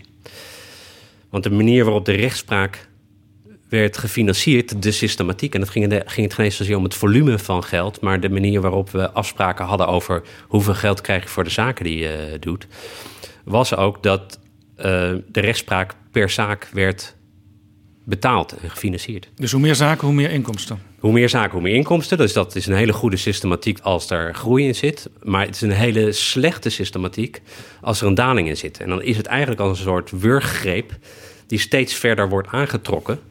Waardoor ook de rechtspraak op een gegeven moment in een situatie zat waar ze niet meer zelf uit kon komen. En uh, ja, toen ik hier begon, uh, zei de rechtspraak: Wij hebben een probleem dat, dat, dat moet het ministerie oplossen.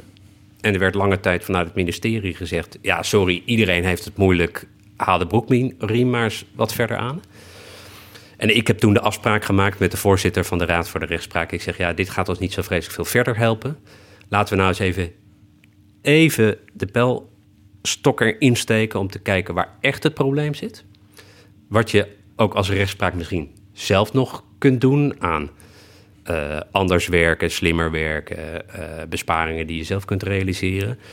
En wat, wat dan het deel is dat uiteindelijk op mijn bordje komt te liggen. En dat heeft geleid tot de oplossing waar we nu op zijn gekomen, namelijk dat er 100 miljoen extra bij moet. Ja, een van de problemen is dat um, de rechtspraak is een soort eilandenrijk. Rechtbanken uh, hoven werken niet optimaal met elkaar samen. Dat is vaak een enorme taaie toestand. Hè? Dat, dat kun je niet met een paar mooie woorden van de minister veranderen. Nee. Nee, en dit is, dit is ook wel een pijnpunt. Uh, en ik ben niet de enige die dat ziet. Er is ook eens in de zoveel tijd een visitatiecommissie. Dan vraagt de rechtspraak mensen van buiten om de boel eens even door te lichten. Ja, die was er, die, die was zei dat ook. Die was er vorig jaar. Daar zat, viel me trouwens op Femke Halsema in, die toen nog geen burgemeester van Amsterdam was. Maar die visitatiecommissie die spreekt van achterblijvende professionalisering in houding, gedrag en vaardigheden, in bedrijfsvoering en in werkwijze en werkprocessen, waardoor deskundigheid, klantgerichtheid en snelheid onder druk staan. Ja, dat zijn hele harde woorden. Dus er is ook veel werk aan de winkel om ervoor te zorgen dat daar verandering in komt. En daar hangt dat eilandenrijk ook mee samen.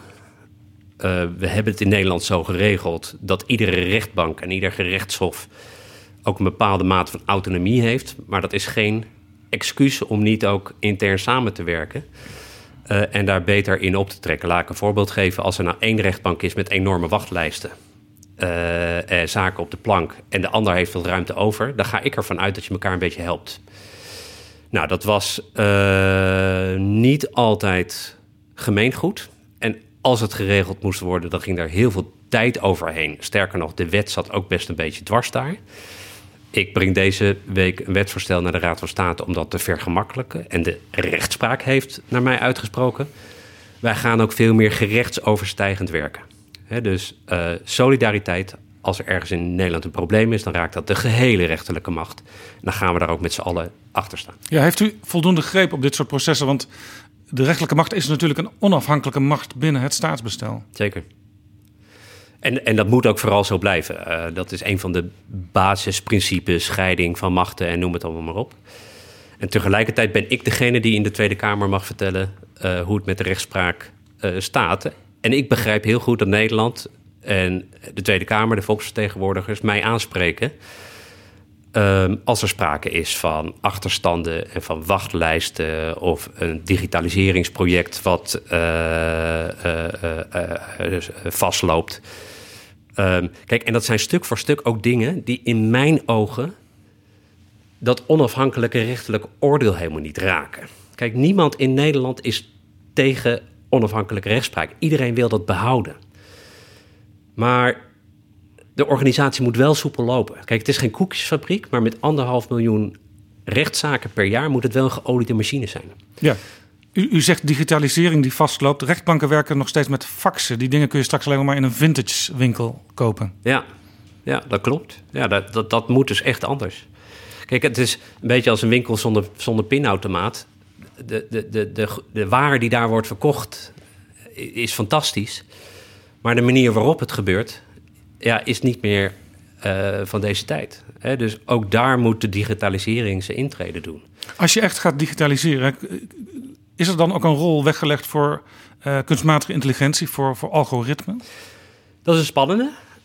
Um, ik, ik denk het wel. Ook de rechtspraak zelf zegt, ja, wij uh, moeten ook dat gaan verkennen. Niet om over te gaan tot een soort robotrechter, dat je straks voor een machine staat. Voor mij willen mensen gewoon ook iemand in de ogen kunnen kijken. En ik vind het ook goed dat een rechter partijen in de ogen kijkt, zodat hij tot een oordeel komt. Maar het kan wel ondersteunend zijn aan uh, uh, het instrumentarium dat een, dat een rechter heeft. Laat ik een voorbeeld geven. Bijvoorbeeld het doorzoeken van jurisprudentie. Ja, als je dat op een snellere, handiger manier kunt doen met gebruik van techniek, dan is dat alleen maar mooi meegenomen. Zonder meteen twintig mappen uit de kast te hoeven trekken. Exact. Nou is het ook zo in Nederland dat um, er zijn soms best grote verschillen tussen rechtelijke uitspraken uh, over vergelijkbare zaken. Uh, bijvoorbeeld, ik hoor altijd als je tegen de overheid procedeert, moet je, moet je zorgen dat dat in Amsterdam gebeurt en niet in Den Haag. Want in Den Haag hebben de rechters meer begrip voor wat de ambtenaren doen. nou, ik weet niet of dat helemaal klopt. Um, maar onderzoek laat wel zien dat er verschillen zijn uh, tussen uh, rechtbanken en binnen rechtbanken ook alweer tussen rechters. Dat is natuurlijk ook heel erg moeilijk, omdat de ene zaak is de andere niet. Hè? Dus een rechter komt in de, nou laat ik bijvoorbeeld strafrecht nemen, de ene keer tot een zwaardere straf voor eenzelfde delict dan een andere. Maar dat heeft vaak ook te maken met de context die eromheen uh, zit. Aan de andere kant, je wil natuurlijk wel ook een bepaalde mate van rechtsgelijkheid nastreven. En ook daar helpt het wel weer om bijvoorbeeld te kijken naar hoe zijn nou soortgelijke zaken door mijn collega's gedaan. Daarom is jurisprudentie ook zo belangrijk. Ja, nog, nog een voorbeeld. Als je als werknemer tegen je baas procedeert, dan maak je in Amsterdam bijna twee keer zoveel kans om de zaak te winnen dan uh, als je in Den Bosch procedeert. Ja, ja. Nou ja is dat, dat, is toch raar? Zeker, als dat exact dezelfde zaken zijn, dan, dan zou dat vreemd zijn. Het zijn natuurlijk nooit dezelfde zaken. Maar het zijn nooit helemaal dezelfde zaken.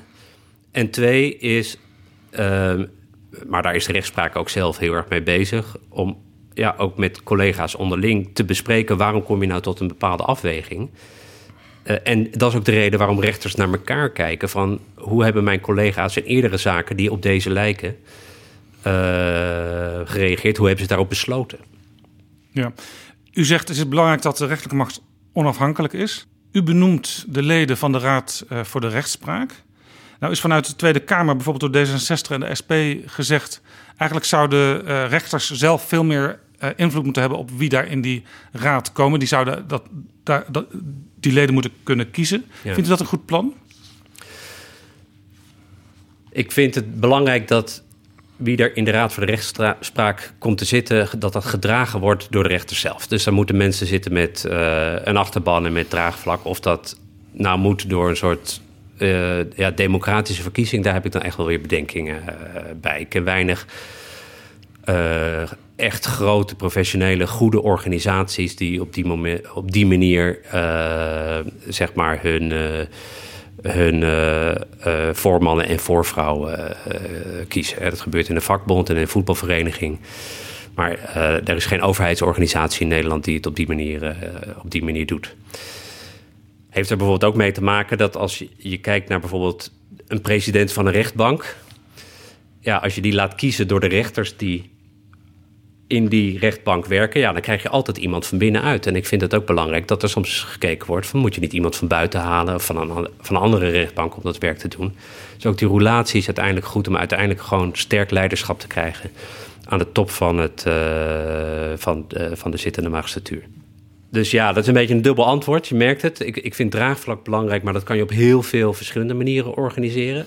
Twee, wat ik belangrijk vind, is dat we een hele heldere scheiding moeten hebben tussen de uitvoerende macht, ja, de minister, en tussen de rechterlijke macht. En dat er dus ook niet een soort schijn van beïnvloeding of iets dergelijks moet zijn. Dat is precies een van de redenen. Ik heb daar zelf een rol in die benoeming. Dat komt omdat iemand moet een voordracht doen aan de kroon. Ik benoem ook in die zin uh, alle rechters, maar dat is echt een soort stempelbesluit. Daar ga ik me niet persoonlijk tegenaan bemoeien. Maar dat we dat ook gewoon eens even transparant en formeel vastleggen in de wet. Ja, rechters zijn onafhankelijk, maar uh, er is wel eens onderzoek gedaan naar waar rechters bijvoorbeeld op stemmen. En dan blijkt eigenlijk maar een beperkt aantal politieke richtingen onder rechters vertegenwoordigd te zijn. Is dat een probleem? Ik vind die twee dingen moet je niet vermengen. Uh, uiteindelijk zijn rechters zo goed en professioneel in het geven van een oordeel dat uh, wat ze privé doen niet zou moeten uitmaken. Dus als Geert Wilders zegt D66-rechters, dan denkt u, maakt mij niet uit. ik vind dat heel kwalijk. He, want dat, dat, dat, daarmee zet je uh, de rechterlijke macht in een uh, bepaalde hoek. disqualificeer je die rechterlijke macht. Betwijfel je de neutraliteit en onafhankelijkheid van de rechterlijke macht. En dat is heel erg kwalijk. Ja, over Geert Wilders gesproken. Mogen ambtenaren overleggen met het OM over vervolging? Ambtenaren mogen niet strafzaken beïnvloeden. Maar wel overleggen? Eh, kijk, dat zijn twee verschillende dingen. En ik ga niet al te veel zeggen over de zaak Wilders. Want daarvan uh, hebben wij en ook mijn collega Grapperhaus gezegd... we geven gewoon alle documenten aan de rechter... en laat die er maar een uitspraak over doen. Maar meer in zijn algemeenheid kan ik er dit over zeggen dat er altijd zaken zijn die ook zoveel publiciteit genereren, waar ook de minister op wordt aangesproken, dat je natuurlijk laat informeren door het Openbaar Ministerie over de stappen die zij nemen. Dat is wat anders dan dat er politieke beïnvloeding is van die zaak. Want dat moet je echt voorkomen. Dat past niet in de rechtsstaat. Ja, maar het is natuurlijk een, een, een lastige grens. Ik vind dat geen lastige grens. Ik vind dat je dat kan aanhoren. Ik vind het, uh, dat het goed is om geïnformeerd te zijn. Ik heb zelf vorig jaar uh, uh, een rol gehad in de grote schikking van de ING. Um, dan word je ook op een aantal momenten bijgepraat hoe het staat met het strafrechtelijk onderzoek. Waarom? Omdat er altijd een politiek debat over gaat ontstaan, zodat je moet kunnen vertellen waarom het Openbaar Ministerie gedaan heeft wat ze doet. Maar ik heb geen moment gehad en ik heb ook geen enkele behoefte gehad om er enige invloed te hebben op dat strafproces. Die rollen zijn heel goed te scheiden. Is het goed dat Geert Wilders, een Kamerlid, voor de rechter staat? Ik vind het ook goed dat de, in, in een land dat, dat gebouwd is op de scheiding der machten, uitvoerend, wetgevend, volksvertegenwoordiging, maar ook de rechterlijke macht, dat we zuinig zijn uh, op mekaars rollen. En dat het disqualificeren van de rechterlijke macht uh, echt iets kwalijks is. En dat weet hij ook, want in debatten die we hebben, die ik met de PVV heb, waar ik zie dat dit soort dingen geroepen wordt, bied ik altijd weerstand tegen. Ja. We wachten deze, het verder verloop van deze zaak af. U schreef op Prinsjesdag aan de Tweede Kamer. eh, dat mensen de gang naar de rechter moeten kunnen maken zonder onevenredig grote financiële drempels. Toch klagen advocaten al heel lang dat mensen met een laag inkomen vaak die hoge drempels zien om naar de rechter te gaan. Ze kunnen de kosten simpelweg niet ophoesten. Dat gaat dan over sociale advocatuur. Uh, die er is voor mensen uh, die minder inkomsten hebben dan 27.000 euro. Ja. U zegt er mogen geen onevenredig grote financiële drempels zijn. Uh, sociale advocaten zeggen die zijn er wel. En toch hebben we in Nederland een heel mooi stelsel van rechtsbijstand. Dat heel royaal is, heel sociaal, heel genereus. Waarbij mensen, zodra ze een advocaat in de arm moeten nemen en ze hebben een klein inkomen, uh, slechts een, een, een, fractie daarvan hoeven te betalen. En dan hebben we het over eigen bijdragen die echt veel lager zijn dan de kosten die uh, andere mensen moeten maken voor een advocaat. Ja, de Vereniging van Sociaal Advocaten en nu ook de, de Orde van Advocaten zelfs, die waren in overleg met u, maar die zijn daar uitgestapt. Want ze zeggen met deze minister komen we niet verder. Ja, dat, dat vind ik heel erg spijtig. Want dat stelsel van rechtsbijstand is wel toe aan herziening. Ook dat piept en kraakt. En de enige manier om daar een oplossing voor te vinden is toch een beetje langs de lijnen zoals ik dat ook met de rechterlijke macht heb gedaan. Door te gaan zitten, door te kijken hoe je daar samen in, in optrekt. Vanuit ieders rol. Wat kan jij doen? Wat kan ik doen? En hoe gaan we dit probleem oplossen? En als je niet met elkaar praat, kan je ook geen oplossing vinden. Maar de rechterlijke macht krijgt er van u 100 miljoen per jaar bij. Sociale advocatuur krijgt er niks bij. En het aantal zaken daar groeit wel. Oh, daar zien we overigens ook een daling de afgelopen paar jaar. Dat vind ik goed, want daarvoor zag je jarenlang uh, dat er sprake was van een stijging. Ja, dat, dat, en, en dat een stijging die, die dusdanig groot was, dat die ook het probleem heeft veroorzaakt dat het budget wat we hebben voor rechtsbijstand eigenlijk niet meer voldoende is. En dat dat inteert op de vergoeding die advocaten uh, krijgen voor het werk wat ze, wat ze doen.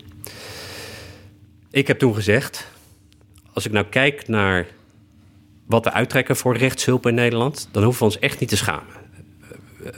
We hebben in Nederland zo'n 400 miljoen. Daarmee zitten we uh, in Europa aan de top. Dat is per. 400 miljoen budget voor de sociale Exact, voor de sociale advocatuur. Uh, dat is vergeleken met bijvoorbeeld uh, nou, onze buren. Twee keer zoveel als in België. Dat is drie keer zoveel als in, in, in Duitsland. Dus dat is echt. Nou, nogmaals, daar hoef je niet voor te schamen betekent niet dat wat moet, of, of niet wat moet veranderen. Uh, ik heb, en ik zie ook ruimte om kritisch te kijken van... zouden we nou in staat zijn om het op een andere manier te organiseren... waardoor we misschien preventief problemen al wat eerder oplossen en wat eerder oppakken... zodat je het niet zo dusdanig escaleert dat je voor al die zaken een advocaat nodig hebt... of naar de rechter toe moet. En als we dan in staat zijn om het om het aantal zaken iets te laten dalen, ontstaat er ook weer ruimte voor een betere vergoeding van advocaten. Er gaat wel wat tijd overheen en dan moeten we samen in optrekken, maar ik denk echt dat dat haalbaar is. Op het ministerie zegt u af en toe, las ik in de NRC. Ja, jongens, ik zit hier ook voor de VVD, dus ik moet af en toe ook wel wat VVD-dingen benadrukken, zoals die sociale advocatuur heb ik dat uh, gezegd in de NRC? geld geven. Nee, nee, nee, ambtenaren van u. Oh, ambtenaren dat zeggen tegen NRC gezegd dat de minister dat intern roept. Ik zit hier ook voor de VVD. Uh, nou, ik, ik zit hier... Nee, ik, kijk, ik ben natuurlijk een VVD'er. Uh, en daar loop ik helemaal niet, niet voor weg. Maar ik zit hier namens een kabinet met een, met een brede opdracht. En ik probeer in alles wat ik doe te streven naar een zo breed mogelijk draagvlak voor nou, de wetten die ik voorrijd aan de Kamer. Uh, of de beslissingen die ik neem. Um, en dat probeer ik vaak ook breder te doen dan alleen maar de vier partijen in de coalitie. We hebben een heel groot wetsvoorstel vorig jaar in de Tweede Kamer gehad. Dat aanvankelijk heel veel kritiek kreeg. Dat ging over het verkorten van de voorwaardelijke invrijheidstelling. Gedrag bij gevangenen veel zwaarder laten meetellen. Het idee dat je verlof moet verdienen in plaats van dat het recht is. Ja, want u zei veel mensen die in, in de bak zitten, die worden na twee derde van hun zittingstijd uh, automatisch ja, dat, uh, vrijgelaten. Ja, nou, het is niet helemaal automatisch, maar het is wel de regel van rechtswegen uh, na twee derde van je straf word je in vrijheid gesteld. Ja, wat ertoe leidt dat als je 30 jaar krijgt, dat je na 20 jaar buiten staat, waarvan heel veel mensen zeggen, ja, dat, dat, dat voelt niet goed. Nou, ik heb met dat wetsvoorstel heb ik echt ook geprobeerd om heel goed te luisteren. Uh, om te laten zien dat het niet alleen maar een kwestie was van zwaarder of, of uh, harder straffen, maar ook laten zien dat voor mensen die het best een beetje voorzetten, we meer kunnen doen. Dat we ook de, de hand moeten reiken aan gevangenen die zeggen: Ja, maar ik heb ook heel veel problemen. En als die problemen niet worden opgelost en ik ga na mijn straf naar huis, dan heb ik wel een beetje hulp nodig. Dat zit er ook in. En ik vind het gewoon heel erg mooi om te zien dat we er dan in slagen om nagenoeg uh, kamerbreedte meerderheid te krijgen. Alleen de Partij voor de Dieren was tegen. En waarom, weet ik niet, want die waren niet bij het debat. Nee. Is er altijd, bemoeit de reclassering zich er altijd mee als iemand uh, vervroegd in vrijheid wordt gesteld? Ja, bij vervroegd in vrijstelling, want dan gaat het vaak om de zwaardere en de langere straffen, is, het, is de reclassering naar de regel bij. Ah ja, oké. Okay.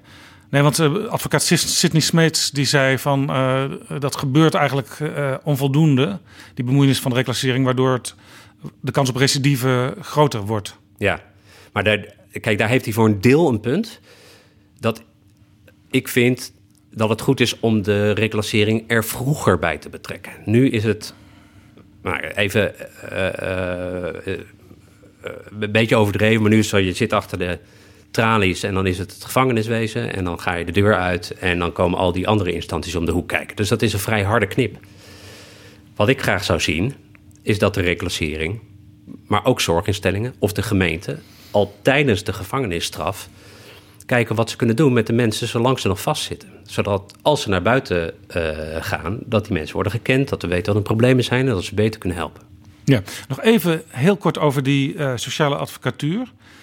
De Eerste Kamer is natuurlijk ook belangrijk uh, tegenwoordig bij uh, nieuwe regels. Maar zelfs een regeringspartij, D66, heeft al een keer tegen u gezegd in de Eerste Kamer. Ja, die plannen van Dekker met sociale advocatuur, dat is een Potjemkin-dorp. Het is een mooie façade, maar daarachter zit helemaal niks. Met andere woorden, misschien moet u wel vrezen dat een van de regeringspartijen, D66, u niet gaat steunen in de Eerste Kamer. Nou, aan mij is natuurlijk ook dan weer de taak om partijen te overtuigen. Het is niet de eerste keer dat er veel vragen waren en veel kritiek op een plan of op een wet die uiteindelijk na het debat het gewoon heeft gehaald.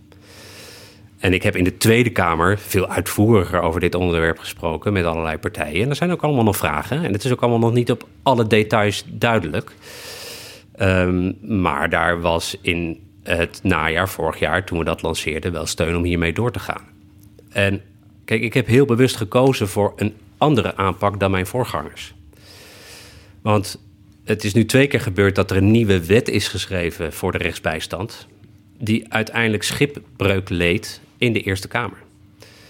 toen dacht ik, ja, ik kan voor de derde keer proberen om een wet te schrijven. En dan zijn er ook weer vragen en veel twijfels. Dat heeft geen zin. Maar dan heb je best kans dat hij voor een derde keer schipbreuk leidt. En dan kunnen we ons het gewoon niet veroorloven. Wat ik nu heb voorgesteld is, zullen we eerst eens even binnen uiteraard de kaders die de wet nu al biedt, is proberen of het op een andere manier kan.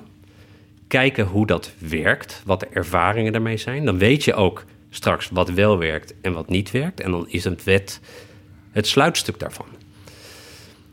En ik denk dat als we daar dan eenmaal zijn, en die wet is voorzien in 2023, dat als je een aantal van die proeven hebt gedraaid, dan heb je ook het materiaal in handen om ook kritische partijen als D66 hopelijk in de Eerste Kamer te kunnen overtuigen. Ja, Ander onderwerp. U had eerder dit jaar een heel zwaar debat in de Tweede Kamer over wat er allemaal misging uh, in de detentie- en behandelgeschiedenis van Michael P., die later Anne Faber heeft vermoord. Dat was een vernietigend rapport over van uh, de Onderzoeksraad voor Veiligheid. Dat was een zwaar debat, acht uur in de Kamer. Heeft u toen overwogen af te treden? Nee. Nee, en, dat, en dat, dat heeft ermee te maken dat toen ik aan deze klus begon, ik al wist dat dit een van de grootste opdrachten zou zijn uh, in mijn periode om ervoor te zorgen dat de samenleving beter wordt beschermd tegen mensen als Michael P. Uh, en ik heb ook vanaf dag één er steeds aan gewerkt om op basis van de informatie die we steeds hadden te kijken van wat is er nodig ja, om die bescherming uh, beter te regelen en op te krikken. Ja, nou is het zo dat rondom dat Kamerdebat ehm, zei Rijn-Jan Hoekstra, die eerder de moord op Els Borst heeft uh, onderzocht, wat Een enigszins vergelijkbare zaak was ook iemand die rondliep en ja, een moord pleegde. Uh, Hoekstra die zei, je ziet de urgentie steeds weg hebben... en dan wordt er weer een moord gepleegd en dan is het weer alle hands aan dek. Dat is eigenlijk geen prettig vooruitzicht. Maar ik heb echt geen enkel idee en geen enkel moment gehad dat hier geen urgentie op zat. Als ik nou door iets word gedreven, dan is het door dit soort zaken. Dus wat er gebeurd is met, met, met Anne Faber is echt is, is vreselijk. En toen zij vermoord was, zat ik nog op een ander ministerie. Dat ik, maar, iedereen heeft dat meegekregen. Het stond iedere ochtend weer. En als je dan, als je dan praat met, met, met de familie en met, en met nabestaanden, de, wat dat met zich meebrengt. Ik, nou, weet je, dat is echt moeilijk om je daar een voorstelling van te maken. En daar zit iets dubbels in. Aan de ene kant, je ziet de ellende en het leed en het verdriet. En voor een deel zie je ook wat er fout is gegaan. En tegelijkertijd geeft het mij ook weer de energie om uh, heel erg hard te werken aan ja, waarvoor ik hier ben benoemd. Zorgen dat we dit soort dingen voorkomen. dus ik weet iedere keer weer heel goed waarvoor we dit doen. Bij u zal de urgentie niet weg hebben. Absoluut niet. Een andere zaak. De moeders van twee door jongens van 14 en 17 vermoorde tieners, Savannah en Romy, die zijn een petitie gestart om jeugdstraffen te verhogen. Want in het jeugdstrafrecht zit je één, hooguit twee jaar. Begrijpt u die wens? Ik, ik begrijp ook dit. Kijk, ik begrijp dit heel goed. Um, ook de, de, de, de, ouders van, van Romy en Savannah heb ik nu een aantal keren ontmoet en gesproken. En als je met die ouders praat, de, die zijn gebroken. Dus die, dit, ze, die zijn echt voor het leven getekend. En die kunnen dus eigenlijk niet de gedachte verdragen dat... Exact. Iemand al na misschien twee jaar vrij is. Weet je, ik begrijp dat, ik begrijp dat heel erg goed. Dat, dat knaagt natuurlijk aan je. Ze zeggen niet voor niets, ja, wij hebben levenslang. Wij krijgen onze kinderen nooit meer terug. En, en dat is zo.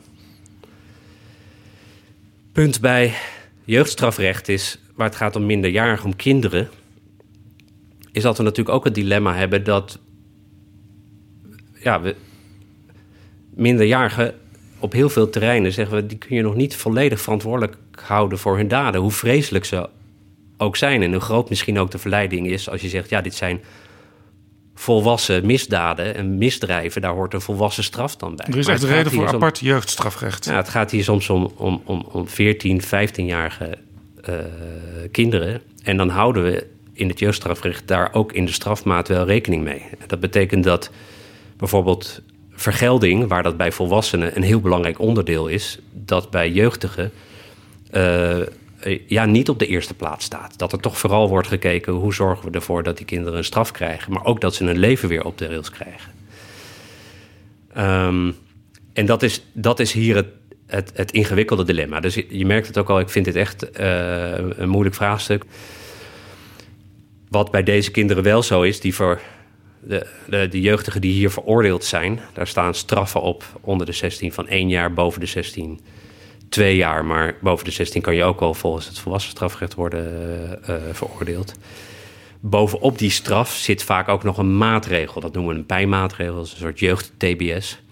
Waardoor uh, deze jeugdige delinquenten in, in de regel wel langer vastzitten.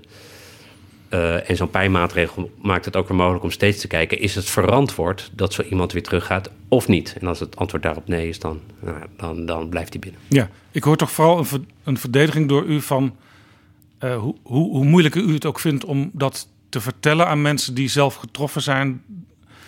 Uh, ook bij u toch een verdediging van het huidige systeem.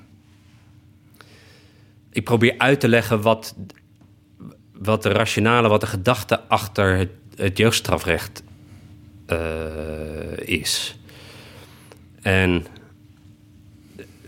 ik realiseer me ook onmiddellijk dat ik daarmee die ouders helemaal niet tevreden stel. En, en, en, en, en, dat die zeggen, ja, maar daar, wat koop ik daar nou, nou voor? Um, tegelijkertijd, kijk, als je van één jaar twee jaar maakt. Uh, en uiteindelijk is het een politieke keuze. Hè? Dus daar moeten we ook met de Tweede Kamer over praten. Ook dan zal dat voor bepaalde ernstige delicten nog steeds als tekort worden gezien. En daar, daarin verschilt het jeugdstrafrecht wel met het volwassen strafrecht. Dat we niet alleen maar kijken naar de zwaarte van straffen en vergelding. Maar ook kijken wat is er nodig om zo'n kind weer en zo'n jeugdige weer, weer uh, nou, regelmaat in zijn leven te brengen.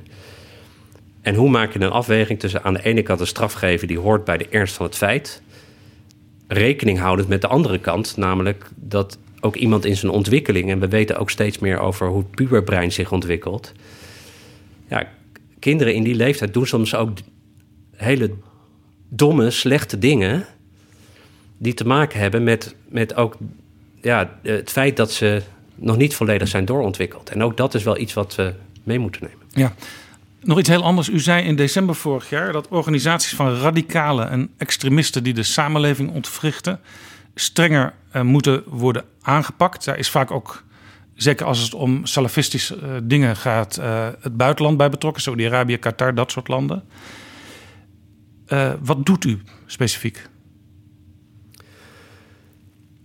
Wij zijn bezig met een aantal wetsvoorstellen. Uh, en die doen een aantal dingen. Laat ik beginnen even met het hele punt. Ik, alles in mij uh, trekt zich samen als ik beelden zie van kinderen in islamscholen, weekendscholen, die uh, de meest onverdraagzame boodschappen en boeken en weet ik veel wat binnenkrijgen. Dan denk ik, is dit de manier waarop jonge kinderen nou uh, moeten leren over hoe je vreedzaam met elkaar omgaat? Antwoord absoluut niet. dus het is een aantal keer gebruikt, het is een soort cliché geworden, maar de vergiftiging van kinderen met dit soort boodschappen vind ik bijzonder kwalijk. Wat we soms zien is dat als je kijkt naar het salafisme, dat dat ook wordt gesteund met geld uit het buitenland. Uh, bepaalde golfstaten bijvoorbeeld. Uh, punt is alleen dat we daar nu heel slecht zicht op hebben. Wij weten niet welke donaties dit soort organisaties ontvangen. Dus een van die wetten waar ik mee bezig ben is zorgen dat buitenlandse geldstromen uh, transparanter worden en dat we maatschappelijke organisaties vragen om daar openheid over te geven dan heb je een begin, want dan kunnen ook overheidsorganisaties, bijvoorbeeld burgemeesters, die weten wat er aan de hand is en die kunnen zeggen: hé, hey, dit is toch gek. Een gematigde club, bij wijze van spreken, of een, of een moskee gaat opeens hele rare dingen doen. Als, als je ziet dat er dan tegelijkertijd geld uit een bepaald land komt, dan kan je zeggen: 1 en 1 is 2. Wat is hier aan de hand? En dan kan je in ieder geval eens wat mensen op het matje roepen. Tweede, en dat is best een ingewikkeld wetsvoorstel, daar is mijn collega uh, Koolmees mee bezig is. Van kan je nou niet. Want Koolmees gaat over integratie? Ja, en wij trekken hier samen in op. Kun je niet ook kijken vanuit het idee van integratie dat uh, er landen zijn, we noemen dat onvrije landen, of landen die bij wijze van spreken zelf ook een blokkade hebben als het gaat om de donaties vanuit westerse landen naar het maatschappelijk middenveld. Al daarom te zeggen, nou dan gaan we dat ook blokkeren in Nederland. Best ingewikkeld, juridisch hoge mate complex, maar we hebben wel gezegd, daar gaan we onze tanden in zetten. Dus dat is het tweede dat loopt. En een derde is, dat is een sluitstuk, is dat ik vind dat wij in Nederland een ruimere mogelijkheid moeten hebben om rechtspersonen, verenigingen, stichtingen, allerlei soorten organisaties, die onze vrijheid misbruiken om juist die vrijheid te, om, om aan te tasten, om te ondermijnen, dat we daartegen moeten optreden. Wij moeten niet te tolerant zijn tegen intolerantie. Gert-Jan Segers van de ChristenUnie, een van de coalitiepartners, die klaagde deze week bij een discussie over de vrijheid van onderwijs. Uh, ja, dit wordt, is vanuit het kabinet allemaal aangekondigd, maar ik zie nog niks. Schiet dus op, kabinet. Wanneer kunnen we concreet uh, wetsvoorstellen tegemoet zien? Dat laatste wetsvoorstel ligt op dit moment bij de Raad van State. Uh, dus ik hoop dat we daar snel een advies van krijgen. En afhankelijk van dat advies hoop ik dat nou, wellicht nog voor het eind van het jaar te kunnen voorrijden aan de Tweede Kamer. Ja. Die andere twee wetsvoorstellen, die zitten nu in de pen. Ik geloof dat uh, transparantie geldstromen uh, nog dit najaar in consultatie gaat. En dat de proeven van wetgeving over dat middelste wetsvoorstel, en die is eigenlijk juridisch het meeste ingewikkeld, in ieder geval rond de jaarwisseling ook richting de Raad van State kan voor een eerste proef. Tot slot, uh, al sinds de start van Rutte 3 bungelt u onderaan in de vertrouwenspeiling van Maurice de Hond. Hoe verklaart u dat? Ah, ja, ik wist dat ik niet de populariteitsprijs zou winnen als ik dit vak zou gaan doen. Ik weet het niet. Uh, kijk, ik, ik doe mijn best. Uh, ik probeer mij hard te maken voor alles waar dit ministerie voor staat. Een veiliger en rechtvaardiger Nederland. Um, en ik heb ook de indruk dat als je dat goed doet, dat mensen dat vanzelf een keertje gaan, uh, gaan zien. En ik maak mij voor de rest niet al te druk over allerlei peilingen. Ja, nog... Dan zou ik misschien wel wakker liggen. Nog even over uh, Rutte 3 als kabinet. Uh, u bent van de VVD, dat heeft u al een paar keer benadrukt in het gesprek. Dit kabinet doet ook een aantal linkse dingen waarvan ik denk dat zal Dekker niet zelf bedacht hebben. Uh, Zou zomaar kunnen. Het klimaatakkoord, een, een, kinderpardon wat er toch is gekomen. Uh, de winstbelasting die voorlopig niet verlaagd wordt. Uh, instelling van het Wopke-fonds. Hoe is het om, om dat soort linkse plannen samen ja, door te zetten? U probeert mij nog even een beetje op te ruien. Dat heb ik door. Ja, kijk, het mooie in dit kabinet is... we zitten in het schip met vier partijen die op een aantal punten hele verschillende ideeën hebben over wat goed is voor Nederland. Um, wat ik nou mooi vind, is dat we ook op de meest ingewikkelde dingen als immigratie en klimaat er steeds in slagen om te komen met een, met een, met een pakket aan maatregelen. Waarvan ik zeg, daar durf ik wel voor in de wind gaan staan. En neem bijvoorbeeld uh, migratie en het kinderpardon.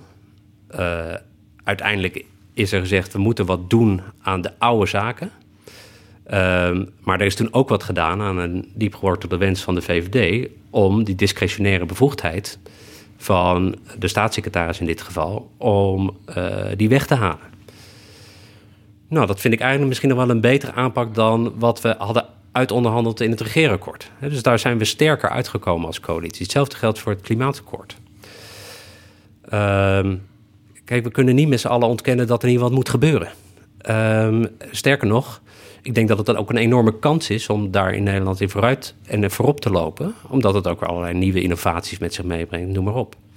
Alleen het moet wel haalbaar zijn en betaalbaar zijn. En we moeten mensen niet onnodig op kosten jagen. We nemen hier ook de tijd voor. Binnenkort moet u de maximumsnelheid naar, naar 100 verlagen. En dat zijn natuurlijk allemaal helemaal geen leuke dingen om te doen. Uh, maar als er adviezen zijn, gaan we er altijd serieus naar kijken. Maar daar gaat de Vroempartij. Ja, maar u drukt mij nu in een, bepaalde, in een bepaalde hoek waar ik helemaal niet in wil zitten. Nou, ik zeg, laat, ik, laat ik dan zeggen waarom ik het vraag. Ik hoor uit kringen rond het kabinet, zo noem je dat dan altijd. De, dat, uh, dit is ja, goed ingelichte bronnen. Nu begrijp ik waar die naam vandaan komt. Ja, betrouwbare bronnen. Dat u in de ministerraad uh, heel actief bent, vooral als het gaat om het benadrukken van de VVD-lijn. Uh, nou ja, dat vat ik dan maar op als een compliment. Want dat is zeg maar het nest waaruit ik kom. Uh, maar dat gaat verder niet... dan alleen maar minister voor rechtsbescherming zijn. Ja, maar ik, kijk, als minister heb je natuurlijk een portefeuille. Uh, maar je hoeft geen ministerraad te hebben als je niet ook met elkaar meekijkt. Uh, ieder besluit dat wij nemen is namens het kabinet, namens de regering.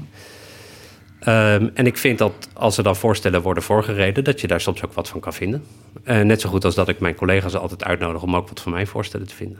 Moet u soms ook uh, uw eigen premier Mark Rutte een beetje afremmen? Want die staat wel bekend als uh, dat hij eigenlijk met iedereen uh, wel goed kan samenwerken. En vaak pas een paar weken voor de verkiezingen wordt het weer een echte VVD'er. Nou, zo zie ik dat niet. Ik vind dat hij dat echt uitstekend doet. En kijk, als je alleen maar in dat kabinet zit om je VVD-geluid te bepleiten, dan is het natuurlijk ook gewoon gauw over.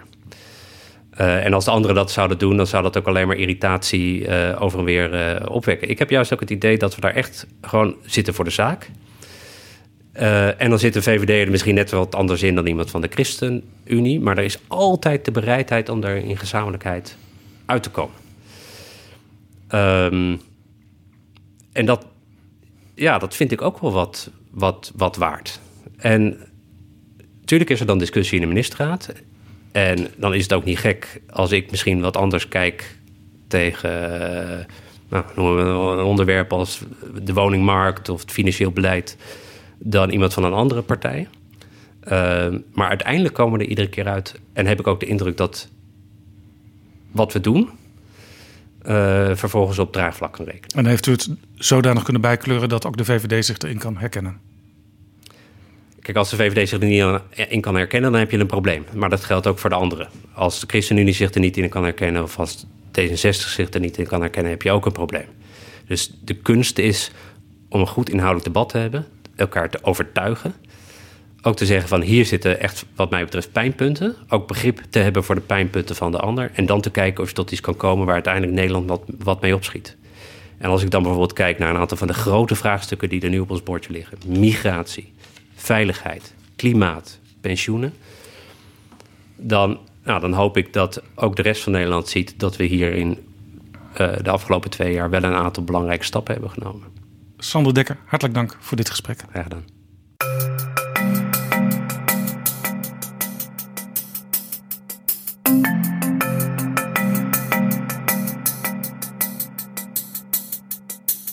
Zo, dit was Betrouwbare Bronnen aflevering 50.